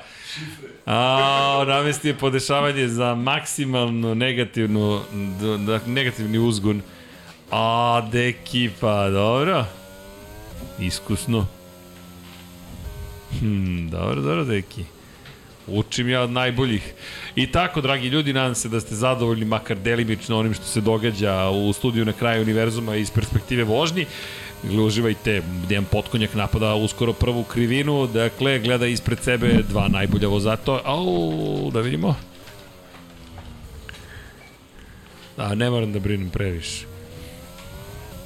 Dosta provokacija, čisto da pokušam da ga zaustavim u, pogu, u, u potkušaju da me pretekne, ali... Dobro, imamo mi još puno da vežbamo, ja bih rekao, ali postajemo sve bolji ako je nešto za pohvalu. Neću ni da komentarišem ove situacije koje se dešavaju upravo, ali dobro. Inače, da vidimo, Deki, ajde, možeš ti to. Čekaj, neki kripto nam se ubacio. Čekaj, i, i dobro, i botovi imaju botove. A, da, super botovi. Super, ovo su super botovi. Inače, vidite, ljudi, udrite like kada ste već tu, pomozite malo ekipu iz uh, Srđan Krofna Erceg. Što krofne? pa zato što se potpisujem non stop. Ali dobro, to je sve u redu. Dakle, da vidimo. E da, inače, izabrali smo neutralnog vozača. Dakle, nismo vozili ni sa kim. Ovo je generičko vozilo. Da ne kažem da nije ni jedna ekipa u pitanju. Tako da znate. A, pokušam da sklonim ovde. Eh, tako. Sklanjamo botove i tako dalje. A, imamo još neko pitanje? Ne, a što se mene tiče, ja sam pročitao sva pitanja. Dobro. Inače imaš Za pohvale sada. za knjigu. Daj srđane i ti svoju prognozu. Sad, za ovu nedelju. O, jesi ti rekao da će Hamilton da pobedi? Da, ja, sam- pa mislim, ja sam ostajem ono što sam rekao s početka Dobro, sezone. dobro. Dakle, Hamilton i... Da je ovako, moja prognoza, uf, a ja mislim da si ti u pravu, ali čisto da Pa, igramo malo mislim drugačije. Da, ono, ja, Ja, ja mislim igram. da si ti u pravu, ali, vidi, ali ajmo ovako. Ko će da pobedi? Ali se slažeš Dekim, ja Leclerc više vidim pobeđuje. Ferrari kao pobednika Ja nego mislim Red da Bull. Leclerc pobeđuje i da će drugi biti Verstappen, treći da će biti Sainz. Moje mišljenje. Okej. Zaista mislim da će Ferrari ovde pobediti. Mislim da će i Leclerc da odgovori na ono što se desilo upravo najboljom vožnjom, da Ferrari odgovara, može da odgovara takođe ova staza. S druge strane, Red Bull uopšte nema nameru da insistira na tome da da, da, da se bori sad po svaku cenu za triumf. Ne, to je sada skupljanje poena, završavanje posla i odlazak dalje. I ono što nismo spomenuli, pričali smo u studiju o tome, a to je zapravo da ti se sada otvara prilika da počneš polako da razmišljaš o 2023. godini. I da... A to svi mogu da razmišljaju. Da, da, da, to je to, to, je to. ali s tim Sada su svi u toj poziciji da što razmišljaju. o Ferrari više nema luksus da jedini razmišljaju napred. Prošle godine Mercedes i Red Bull su baš imali pune ruke posle Jesu, ali i Red Bull može da razmišlja od 2023. Tako je, tako je. I njima ova pozicija jako dobra. I to je ono što smo rekli, i Max zna da kontroliše i emocije i da sačuva bolid koliko god je neophodno, a da opet na kraju prvi prođe kroz cilj. Da. Da. Ovo, je, ovo je ogromna razlika. 63 Inače- pojena, ogromna razlika. Inače, e, imamo pitanje da li možemo da urgiramo da budemo na, na sport klubu 1, 2, 3, ne na 8, verovatno kada je reč o A, Formuli 2. Formuli 2. Trudit A, ćemo dobro, se, nemojte je- ništa da Pokušat ćemo, ali... Ne znam da- kakav je, kakav je koncept sada za vikend, zaista. Za mislim, vikend- mislim da smo opet na, na, na sport klubu Da, na 1, sport ali klubu 1 bi trebalo ne znam, da budemo. ne znam da li, da li je ceo program ovaj... Možda i jeste. Čekaj da bacim Nema odlike ovog da vikenda, tako šta da... kaže dopis. Evo, čak i pokušam da ne smetam Dekiju previše. Da. Za ove studijske emisije svakog ne znam još, ali za... Da za studio ćemo saznati, ali evo dajde da bacim, da pokušam da bacim pogled. On je da studio odgovorim super, on nedeljom i to ću čak i da urgiramo, Ne, ne, da, da, pošljemo ćemo da poruku, da, tako je, tako je, da, da, da, da, budemo da bude oko 14 i konstantno, 15, tako bilo je. bi super, da. Jer e, bilo je bilo je dosta vaših komentara zašto to radimo sa Moto Grand Prix, ne sa Formulom 1. Sticamo okolnosti uh, Moto Grand Prix zahvaljujući činjenici da ima Moto 2 i Moto 3 pre trke Moto Grand Prix klase. U prenosu smo. I onda nam to otvara mogućnost da ostanemo u prenosu zapravo, što mi radimo. I zahvaljujući tome jednostavno imamo lep uvod u Moto Grand Prix gde pratimo šta se događa na stazi, sve ono što želimo da vidimo se zapravo isprati. E to ćemo se sada potruditi isto da radimo i sa Formulom 1. Jednostavno to je nešto što eto, ja moram da kažem pa, pa ja smo dosadili više svima po tom pitanju, ali to je prosto neka, neka naša strast, neka naša ljubav, posao, kako god želite, pa eto, malo, dobili smo i mi neko ispunjenje želja, jer mi možemo da komentarišemo neke stvari. Evo ovako, E, da vidimo, um, dakle, Formula 2 će biti na Sport klubu 3, Formula 3 će biti na Sport klubu 1 u subotu, a u nedelju smo na Sport klubu 1 kada je reč i o Formuli 3 i o Formuli 2. A petak? A, u petak smo na Sport klubu 1 za Formulu 3, Sport klub 7 za Formulu 2. To su kvalifikacije, ali trke ćete gledati na jednom Dakle, od prva okej, tri kanala. dobro. Tako da znate i da vidim za Formulu 1, na Sport klubu smo ovoga vikenda, tokom cijeloga vikenda. Sport klub 1. Sport klub 1, da, da. Dakle, u petak 14.00, 17.00 za Formulu 1, 13.00, 16.00, to su sada već standardni termini od 2022. za Formulu 1 i 15.00 na Sport klubu 1 plus 4K, SK 4K, tako da znate. Eto, to su vam, to su informacije da znate šta ćemo sve pratiti tokom ovog vikenda i gde ćemo biti. A što se tiče e, studija, to još uvek ne znamo tačno, ali pretpostavljam da ćemo, nadam se, uspeti da dođemo do toga da ponovo imamo onakav studio pre trke kakav smo imali. A sada možemo da se skoncentrišemo na Hungaroring. Na Dejana. Dejana Potkonjaka gađa ova temena krivine. Sve je to u redu. Da vidimo, kočenje. Dobro. Treća pun, da, druga je drugi stepen prenosa, ali vidit ćemo. Dobro, ni ova podešavanja mu ne po... Deki, jel ti smeta ako pričam? Deki meni ne čuje. U, pa to je hit, on mene ne čuje. I jao, pa ja mogu da komentarišem. Poštovani gledalci, dobrodošli u Lab 76 i dobrodošli u krug Dejana Potkonjaka na velikoj nagradi Mađarske kvalifikacije su u toku i pokušava da sustigne Finexa i moju malenkost Srđana Ercega, ali greši u prvoj krivini Dežan. Ovo bi trebalo da se poništi, Pavle, ja mislim. Sva četiri točka ja, van. Što se mene tiče, on je poništen već. Druga DRS zona, dve ih imamo u Mađarskoj, na startnom ciljnom pravcu između krivina broj 2 i 3 i ovaj ispred personal best, to sam ja. Pokušava da me sustigne, kao što vidite, već posle treće krivine stvari su dosta jasne. Sedmi stepen, prvo ovde bi trebalo peti da pređe, u četvrti čak ide i dosta visoko broj obrtaja, ali o, beži zadnji kraj, Erceg je već utekao napred, i jao, gde bežim, pa vidi, 60 metara sam ispred. Uf, uf, uf. Teško podnosi Dejan ovaj. Ja mislim da dosta to shvata ozbiljno, moram ti priznati. Ovde bi trebalo u četvrtoj da vozim, pošto me ne čuje, mogu da otkrivam. A, opa. Vidi, nisam bio loš. Nećemo mi skoro kući. Nećemo mi skoro kući, a ovde je sišao sa staze u livadu, ali da vidimo, Juri Deki, međutim Srki je pobegao. Srki je pobegao, loš sam bio uži... Charles Leclerc. Deki, neki, mislim da neće odustati ljudi, ukoliko volite da gledate simulaciju, onda uživajte večeras, pošto Dežan ovo neće dozvoliti da se ovako završi. I ja mislim da ovaj krug sada je onaj. A mi ćemo gostima ovako, Deki igra on cijelu noć. Pa se vratimo sledećeg utorka. Sledećeg utorka, on Deki. Deki, Deki, ono. E, još veća brada. Da, da, on je u pripremi za najduži podcast na istoriji. Onda sedeo ko Briatore. Ajmo ljudi, like za ove Dekijeve pokušaje. Svi, televizor, Sledećeg tablet, utorka mobilni, kao Briatore, osedeo. desktop, svejedno.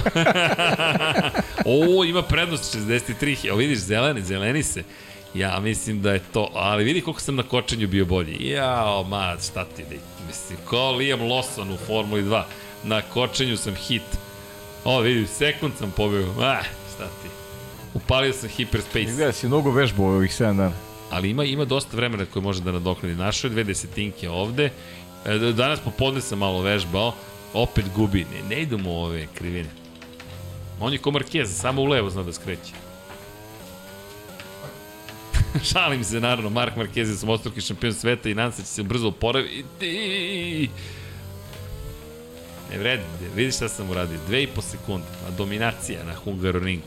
Još je podešavanje namestio za ovu vrstu staze. Ovde pre, preusko prolazi, ovde ne gađaš toliko teme krivine, iako te vuče. E, Hungaroring je po tome zaista specifičan. Sve kao želiš na teme, ali nije nužno teme krivine uvek najbolje rešenje. Pogotovo poslednja krivina, baš je čudna. Pa dobro. Čekaj, je li mu ovo najbolje vreme? 4 sekunde spori od mene. I ja. Pa ima mladi dečko radi, vreme radi za njega. Bolje da ostane tu. Ja. Trash talking, a on ne zna. Što ih za leđa najgore. A sedmi stepen, opa, Deki je rešio drugačije pristupi ovoj krivini. Uuu. Opa, dobro je prošao prvu krivinu. Ovde, ovde, na kočenju. Opa, vidi, opa, vidimo sad sedmi. Ajmo, peti, peti, peti. Tako je, deki, peti moraš da gađaš ovde. Ovde ranije počeo da dode gaz. Bravo, deki, ovo je super odvezao krivinu. Ovde blokada, malo točko. Tu smo, lomi se rezultat i jao, napeto. Ovde, o, ne! E, moj Dejan. Da jedno mi Srki pobedi u životu. E, ovo je velika radost. Ajmo like ko želi da pobedi Srki, like ko želi da pobedi Deki. Dobro da bio opasan u ovom krugu. U ovom krugu mi se opasno približio. I tako, pa jo. Da, i šta si rekao, zbog čega je bilo, zbog čega su bilo kazne u, u Naskaru. u Naskaru, e, zato što su tehnički del neispravni bili boli, e, automobili zapravo Joe Gibbs Racinga. I Joe Gibbs je rekao da će pogledati kompletan sistem zapravo proizvodnje i kako je došlo od toga da zapravo krši. Zanimljivo da ih ranije nisu kažnjavali za to, ali eto sad neka nova situacija. U svakom slučaju, dosta velika promena s obzirom na činjenicu da je to poništena zapravo poništeno. To može da bude ozbiljno, ozbiljan problem Jeste. za Martina Truexa pre svega. Da, e, inače ono što je bitno, to smo zaboravili da kažemo. Pričamo o Kimi Raikonenu, ali ko će da debituje ovoga vikenda u Naskaru? Dani Kvjat. Dani Kvjat dolazi na Indianapolis da vozi za Sjajno. tim Heceberg. Tako da to treba zapamtiti, broj 26 će biti u Naskaru.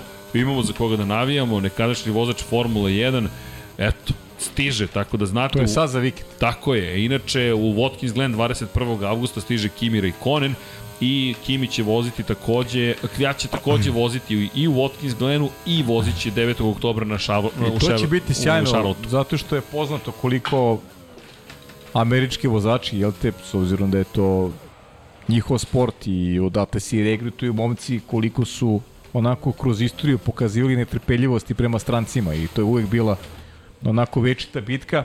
Ove godine je prvi Meksikanac pobedio u, u Naskaru u Sprint Cup seriji Dani Suarez, a vidjet ćemo kako će se prilagoditi Alex, eh, pardon, ne Alex Albo, nego Dani Kvjata, naravno 21. augusta i Kimi. E, studio, studio. Studio. Neki, nije Neki. moglo protiv ovog gospodina Čekaj. Ercega. evo. Čekaj, k- k- Malo si vežbao, a? Pa zato njega nema, cijel dan snimio na telefon, on vežbao u stvari. Neravnopravna. Neravnopravna borba. Jeste, slažem se. Ja sam na tvojoj strani, on vežba non stop. Ovo mora da se vežba. ovo mora, ne, mora da se... Mislim, sve mora da se vežba, ali Naravno, ne, ovo ne, nezgodno, posebno. nezgodno. E, ali Da. da. a Hungaroring je baš onako specifičan. je. Vežba si, vežba si. E. Dobro, ja sam, ja znam, on, on je stari običaj, ko, ko pobedi, Šta? časti. Častim, evo, častim, nema problema.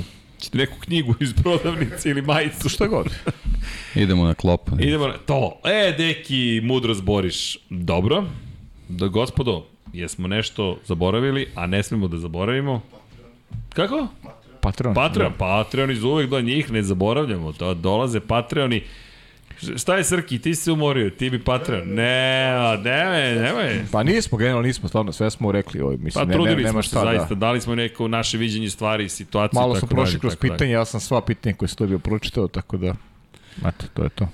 Ljudi, šta da vam kažemo? Nadamo se da ste uživali u Lab 76. Udrite like, udrite subscribe, podržite celu ekipu shop.infinitylighthouse.com Omogućavate nam, naravno, da budemo još bolji, da radimo još neke stvari. Svašta nešto spremamo i ja se nadam da ćete uskoro. Pa već ste videli i, i šta se sve desilo za ovu, za ovu jednu godinu, apropo knjiga, de, stiže i Pajna knjiga, još dekijevih će biti, možda neka se desi i urednik mi je dao zadatak ali, ali nisam dobar đak u celoj priči, no radim, radim neke druge stvari, izlačim se na to, A dobro, da.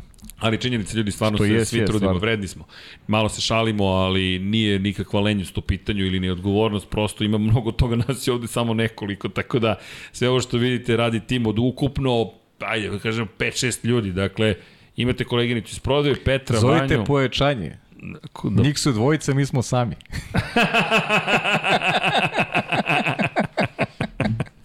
I u to ime ja mislim da je došlo vreme da se polako pozdravljamo sa svima. Naravno, ljudi, patreon.com kroz Infinity Lighthouse, to moramo... Kako? Pa on, ne, on nema naučare, on nema naučare ili neće Meni da čita. ostale na klaviru dok sam Da, vežbao. da, da, da, tako da zna se ko čita, ali izlače se da, te teki mi što deto čudno trepće.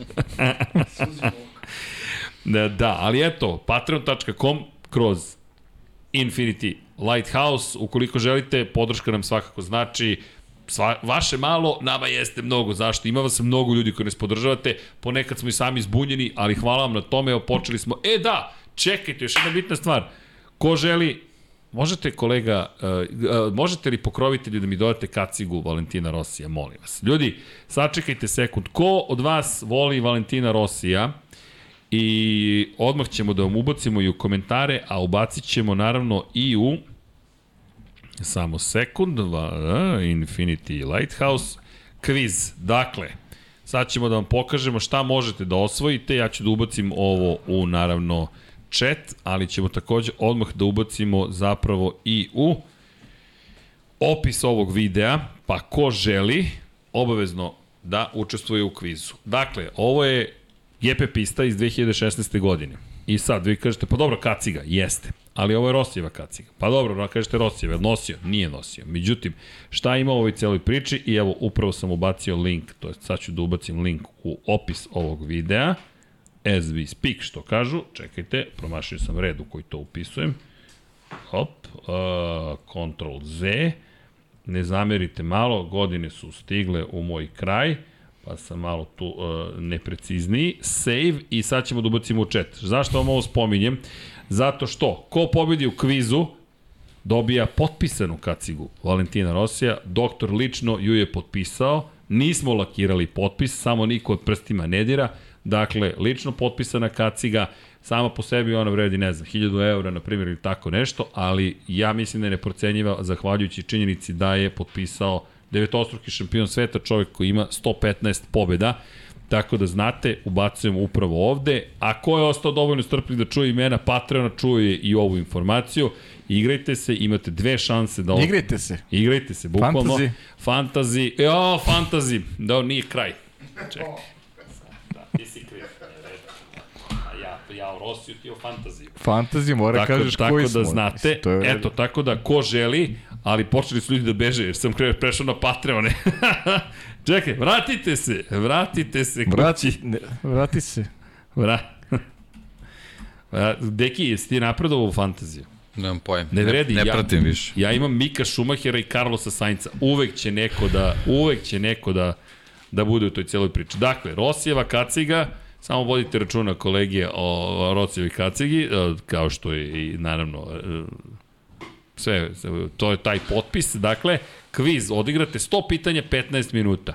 Ko je najbolji, dobije kacigu. Ne dobije baš odmah, mora da dođe zajedno sa još sedam takmičara u četvrt finale kviza 4. avgusta upravo za ovaj 100 da sedne i u direktnom prenosu bori se za šta? Za osvajanje zapravo za osvajanje kacige Valentina Rosija. Vi bit će tu još poklona, ali kaciga je ono što je glavna stvar.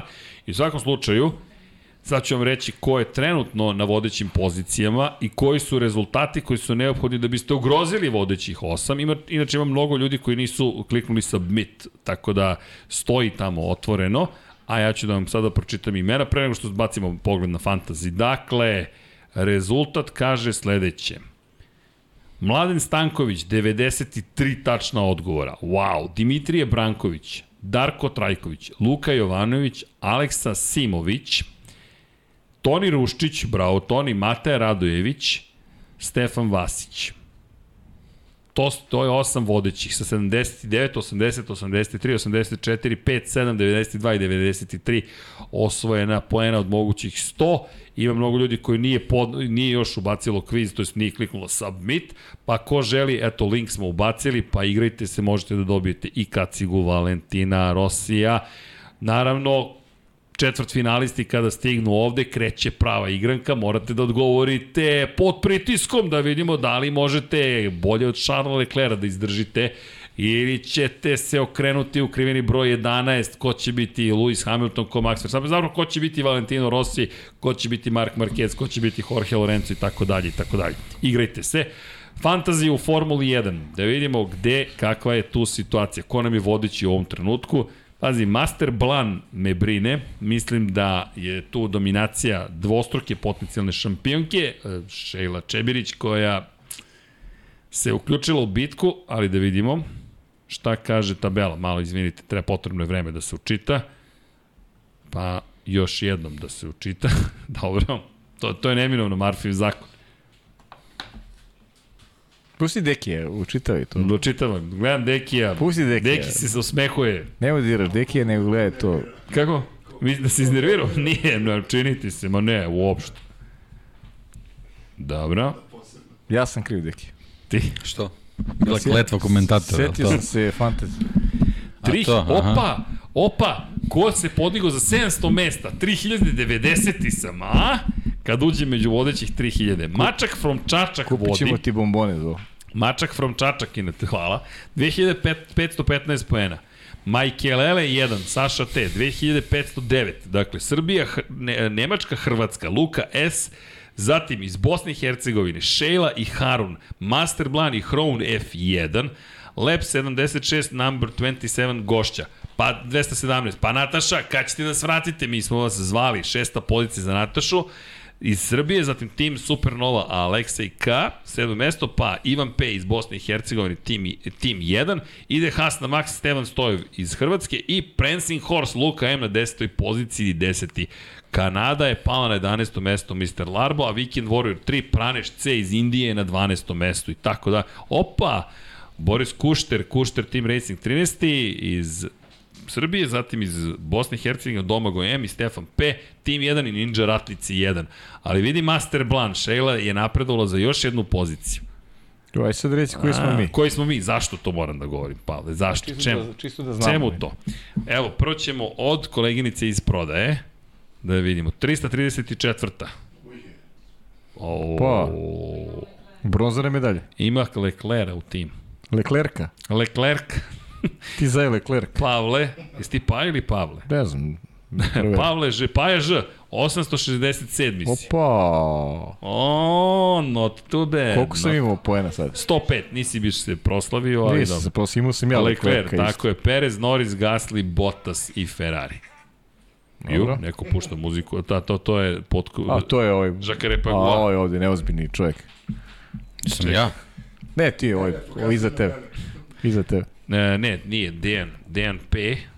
Dejan P. Dok pronađem, Dejan P. Pop GP, 1050 je.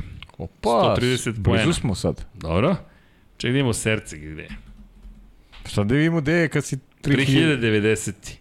180 poena u Francuskoj. Ček da vidim kako sam tu izveo. Verstappen, Sainz, Alonso, to Nando, Tsunoda, minus 2 poena i Schumacher 13, nemam pojma kako sam ovo izveo. Vjerojatno je puno napredovao tokom trke i 37 od Ferrari.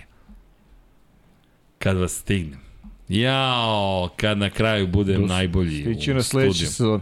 Ma, vidjet Ajmo ćemo. Patreon, jaj. Ej, čekaj, donacija. Mislite li da Maxu vrijedi ego, vrijeda uh, ego činjenica da mu više Hamilton nije jedina konkurencija. Vređa ego. Aha, vređa, nije bilo dž.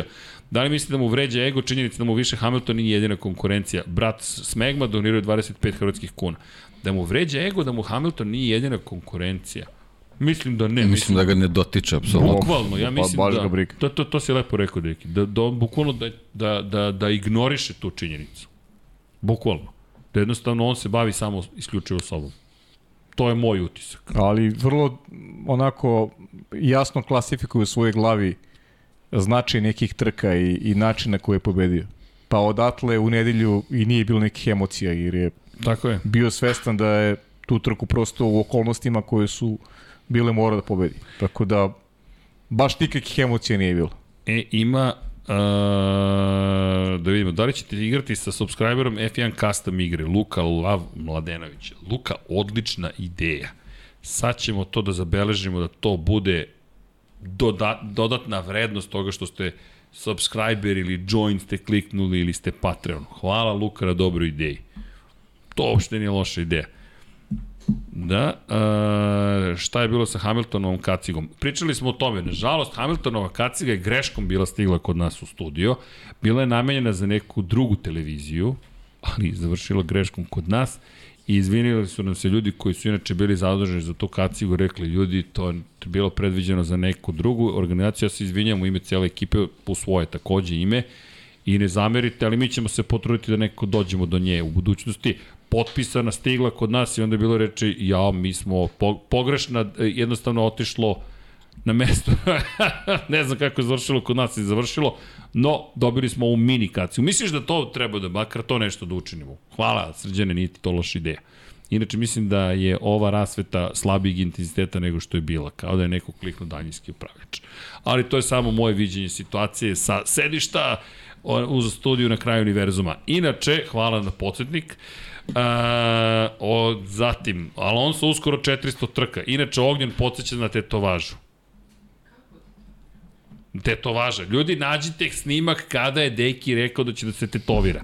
I pošaljite nam taj klip, pošaljite na lab76 at infinitylighthouse.com. Ja se zaista toga ne sećam. Možda da je to rekao u biblioteci nekoj, jel? Ja se neći deo da rekao. Da. I da odgovori na pitanje za goste, potrudit ćemo se zaista da govorimo, da zovemo sve moguće goste kada je reč o, o, o evo pitanje iz Darijana i tako dalje. Ljudi, potrudit ćemo se zaista da imamo još više gostiju i da, nadam se, ajde da kažemo, cela priča bude još dublja i bolja i proširenija i tako dalje. Tako da ima mnogo gostiju koje smo isplanirali, sad samo još da postignemo sve, ali nemojte da brinete, nismo, naprotiv nismo zaboravili. Inače, ko voli Formula 1, imate i maxi povlaka f1.rs ili .com kviz, mislim da, e, inače da, ko sme da učestvuje u kvizu Lab 76? Advokat nam je napisao, svako ko razume šta pričamo ima pravo učešća. Ili ko razume šta piše. Dakle, nije ograničeno samo na teritoriju Republike Srbije gde se mi nalazimo, već svako ko razume ima pravo učešća. Eto, tako je naš advokat to napisao. Pozdrav za Dragana Markovića, legendu našeg advokata, koji je lepo to složio. Mi smo ga pitali kako sada da pokrijemo sve države. On je rekao, vrlo je jednostavno. Ko razume, to je to. Tako da, ako razumete šta piše, imate pravo učešće. Jednostavno je. Eto, ja se nadam da sam odgovorio. I da pročitamo sada, naravno, imena svih ljudi. Uh, inače, Master ima, pošto volimo Srki, kaže, uh, Deki, uh, Zen umetnost održavanja motocikala, vaše mišljenje njoj izdate 1974. Uh, imate tam zap, je li tako? Pa da, nisam, nisam sad, onako, ne možemo u detalje. Da, ali... Ali, verovatno je ok. Uh, uh, inače, ja, ja moram priznati da je nisam pročitao, tako da mi to mora da bude na spisku sad, ali evo, bacit ćemo je. Hvala. Hvala za to, a morat ćemo uskoro da počnemo da čitamo polako imena svih. Ti to puštaš muziku? Opa, Srki je spreman i za muziku samo, vi udrite, nema problema, a ja ću da čitam imena. Krećemo od Patreona večeras. Prvo, hvala vam što ste nas pratili, hvala što ste sa nama, mazite se i pazite se, vozite i vodite računa jedno drugima. Uradite nešto lepo, budite dobri, pratite Formula 1, Moto Grand Prix, sutra nastavljamo priču o polusezoni, Moto 2, Moto 3, Moto E, Superbike, ko zna šta ćemo još da pričamo. Svakako ćemo se potruditi da se zabavim i da vas zabavim, informišemo i uradimo neke lepe stvari kada je reč o Moto Grand Prix koji se polako ali sigurno približava vraćanju na stazu. S druge strane, kao što uvek kažemo, ovo neka bude nedelja, poziva na večere, pozovite nekog na večere, kaže idemo na večeru, zašto? Što u Lab 76 pričaju da bi trebalo da se zovemo na večere ove nedelje, eto izmislili smo, ja sam danas izmislio da eto, vam to zvuči kao ok koncept, svake nedelje nešto novo. Kada je reč o knjigama, imate neku preporuku, momci, za knjigu? Evo, ja ću da preporučim, Ayrton Sena, put ka savršenstvu. Pročitajte. Mislim da ćete biti Slažem zadovoljni.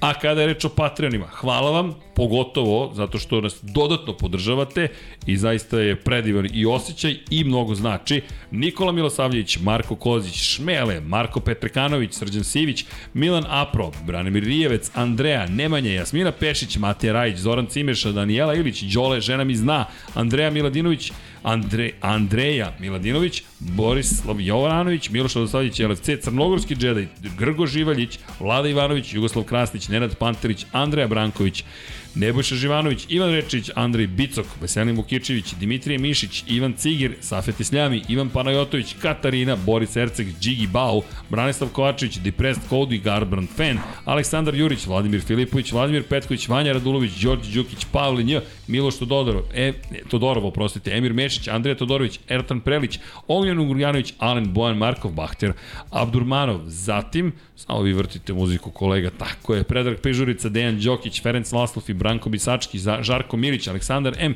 Igor Gašparović, Vukašin Jekić, Branislav Marković, Igor Vučković, Aca Vizla, Dejan Vujović, Nemanja Zagorac, Aleksandar Antonović, Novak Tomić, Boris Kujundžić, Tijana Vidanović, Aleksa Jelić, da žena ne sazna, Dušan Petrović, Lazar Pejević, Stefan Nedeljković, Nemanja Jeremić, Zoran Majdov, Mihovil Stamičar, Nikola Stojanović, Jasenko Samarđić, Bojan Majstorović, Antonio Novak, Stefan Milošević, Miroslav Cvetić, Đole Bronkos, Ognjen Marinković, Vukašin Vučenović, Nemanja Miloradović, Marina Mihajlović, Dušan Ristić, Miloš Vuletić, Luka Manitašević, Zorana Vidić, Marko Horg, Boris Golubar, Mirena Živković, Josip Kovačić, Andrej Božo, Boris Gvozden, Nenad Cimić, Petar Relić, Bojan Mijatović, Milan Nešković, Zatim, na trećoj stranici, kao što uvijek kažemo, Borko Božunović, Marko Ćurčić, Mlađan Antić, Kristijan Šestak, Stefan Vidić, Ivan Žorž, Luka Savović, Jelena Mak, Goša 46, Kovačević Omer, Monika Erceg, Nenad Đorđić, Nikola Božinović, Filip, Mihajlo Krgović, Đorđe Radović, Predrag Simić, Ivan Simonović, Galeb, o, prostite, nećemo da ga spominju, ali Galeb je takođe tu.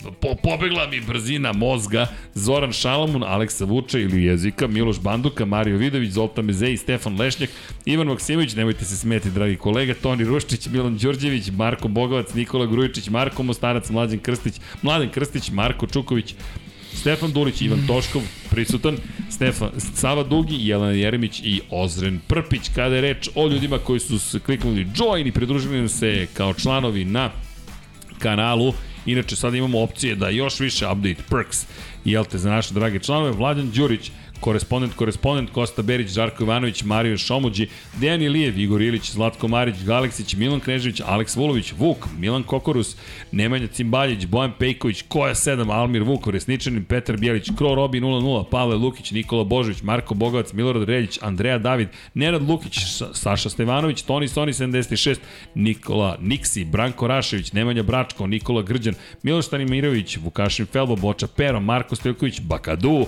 Bojan Gitarić, Ivan Magdanović, Ivan Vujosinović, Tatjana Lemajić, Veselin Vukičić, Branislav Dević, Vukašin Vučenović, Almedin Ahmetović, Nemanja Lajbo, Labović, Aleksandar Kockar, Miloš Zed, LFC, Nikola Kojić, Nemanja Miloradović, Zvonimir Papić, Marina, Vlada Ivanović, Oliver Nikolić, Andrija Todorović, Jelena Jeremić, Aleksandar Nikolić, Luka Skok, Nemanja, Bojan Markov i Danilo Petrović. Ljudi, što da vam kažemo još jednom hvala, aplauz sa naše strane i Naravno, želimo vam laku noć, lepo veče, udrite like, subscribe i sve ostale lepe stvari.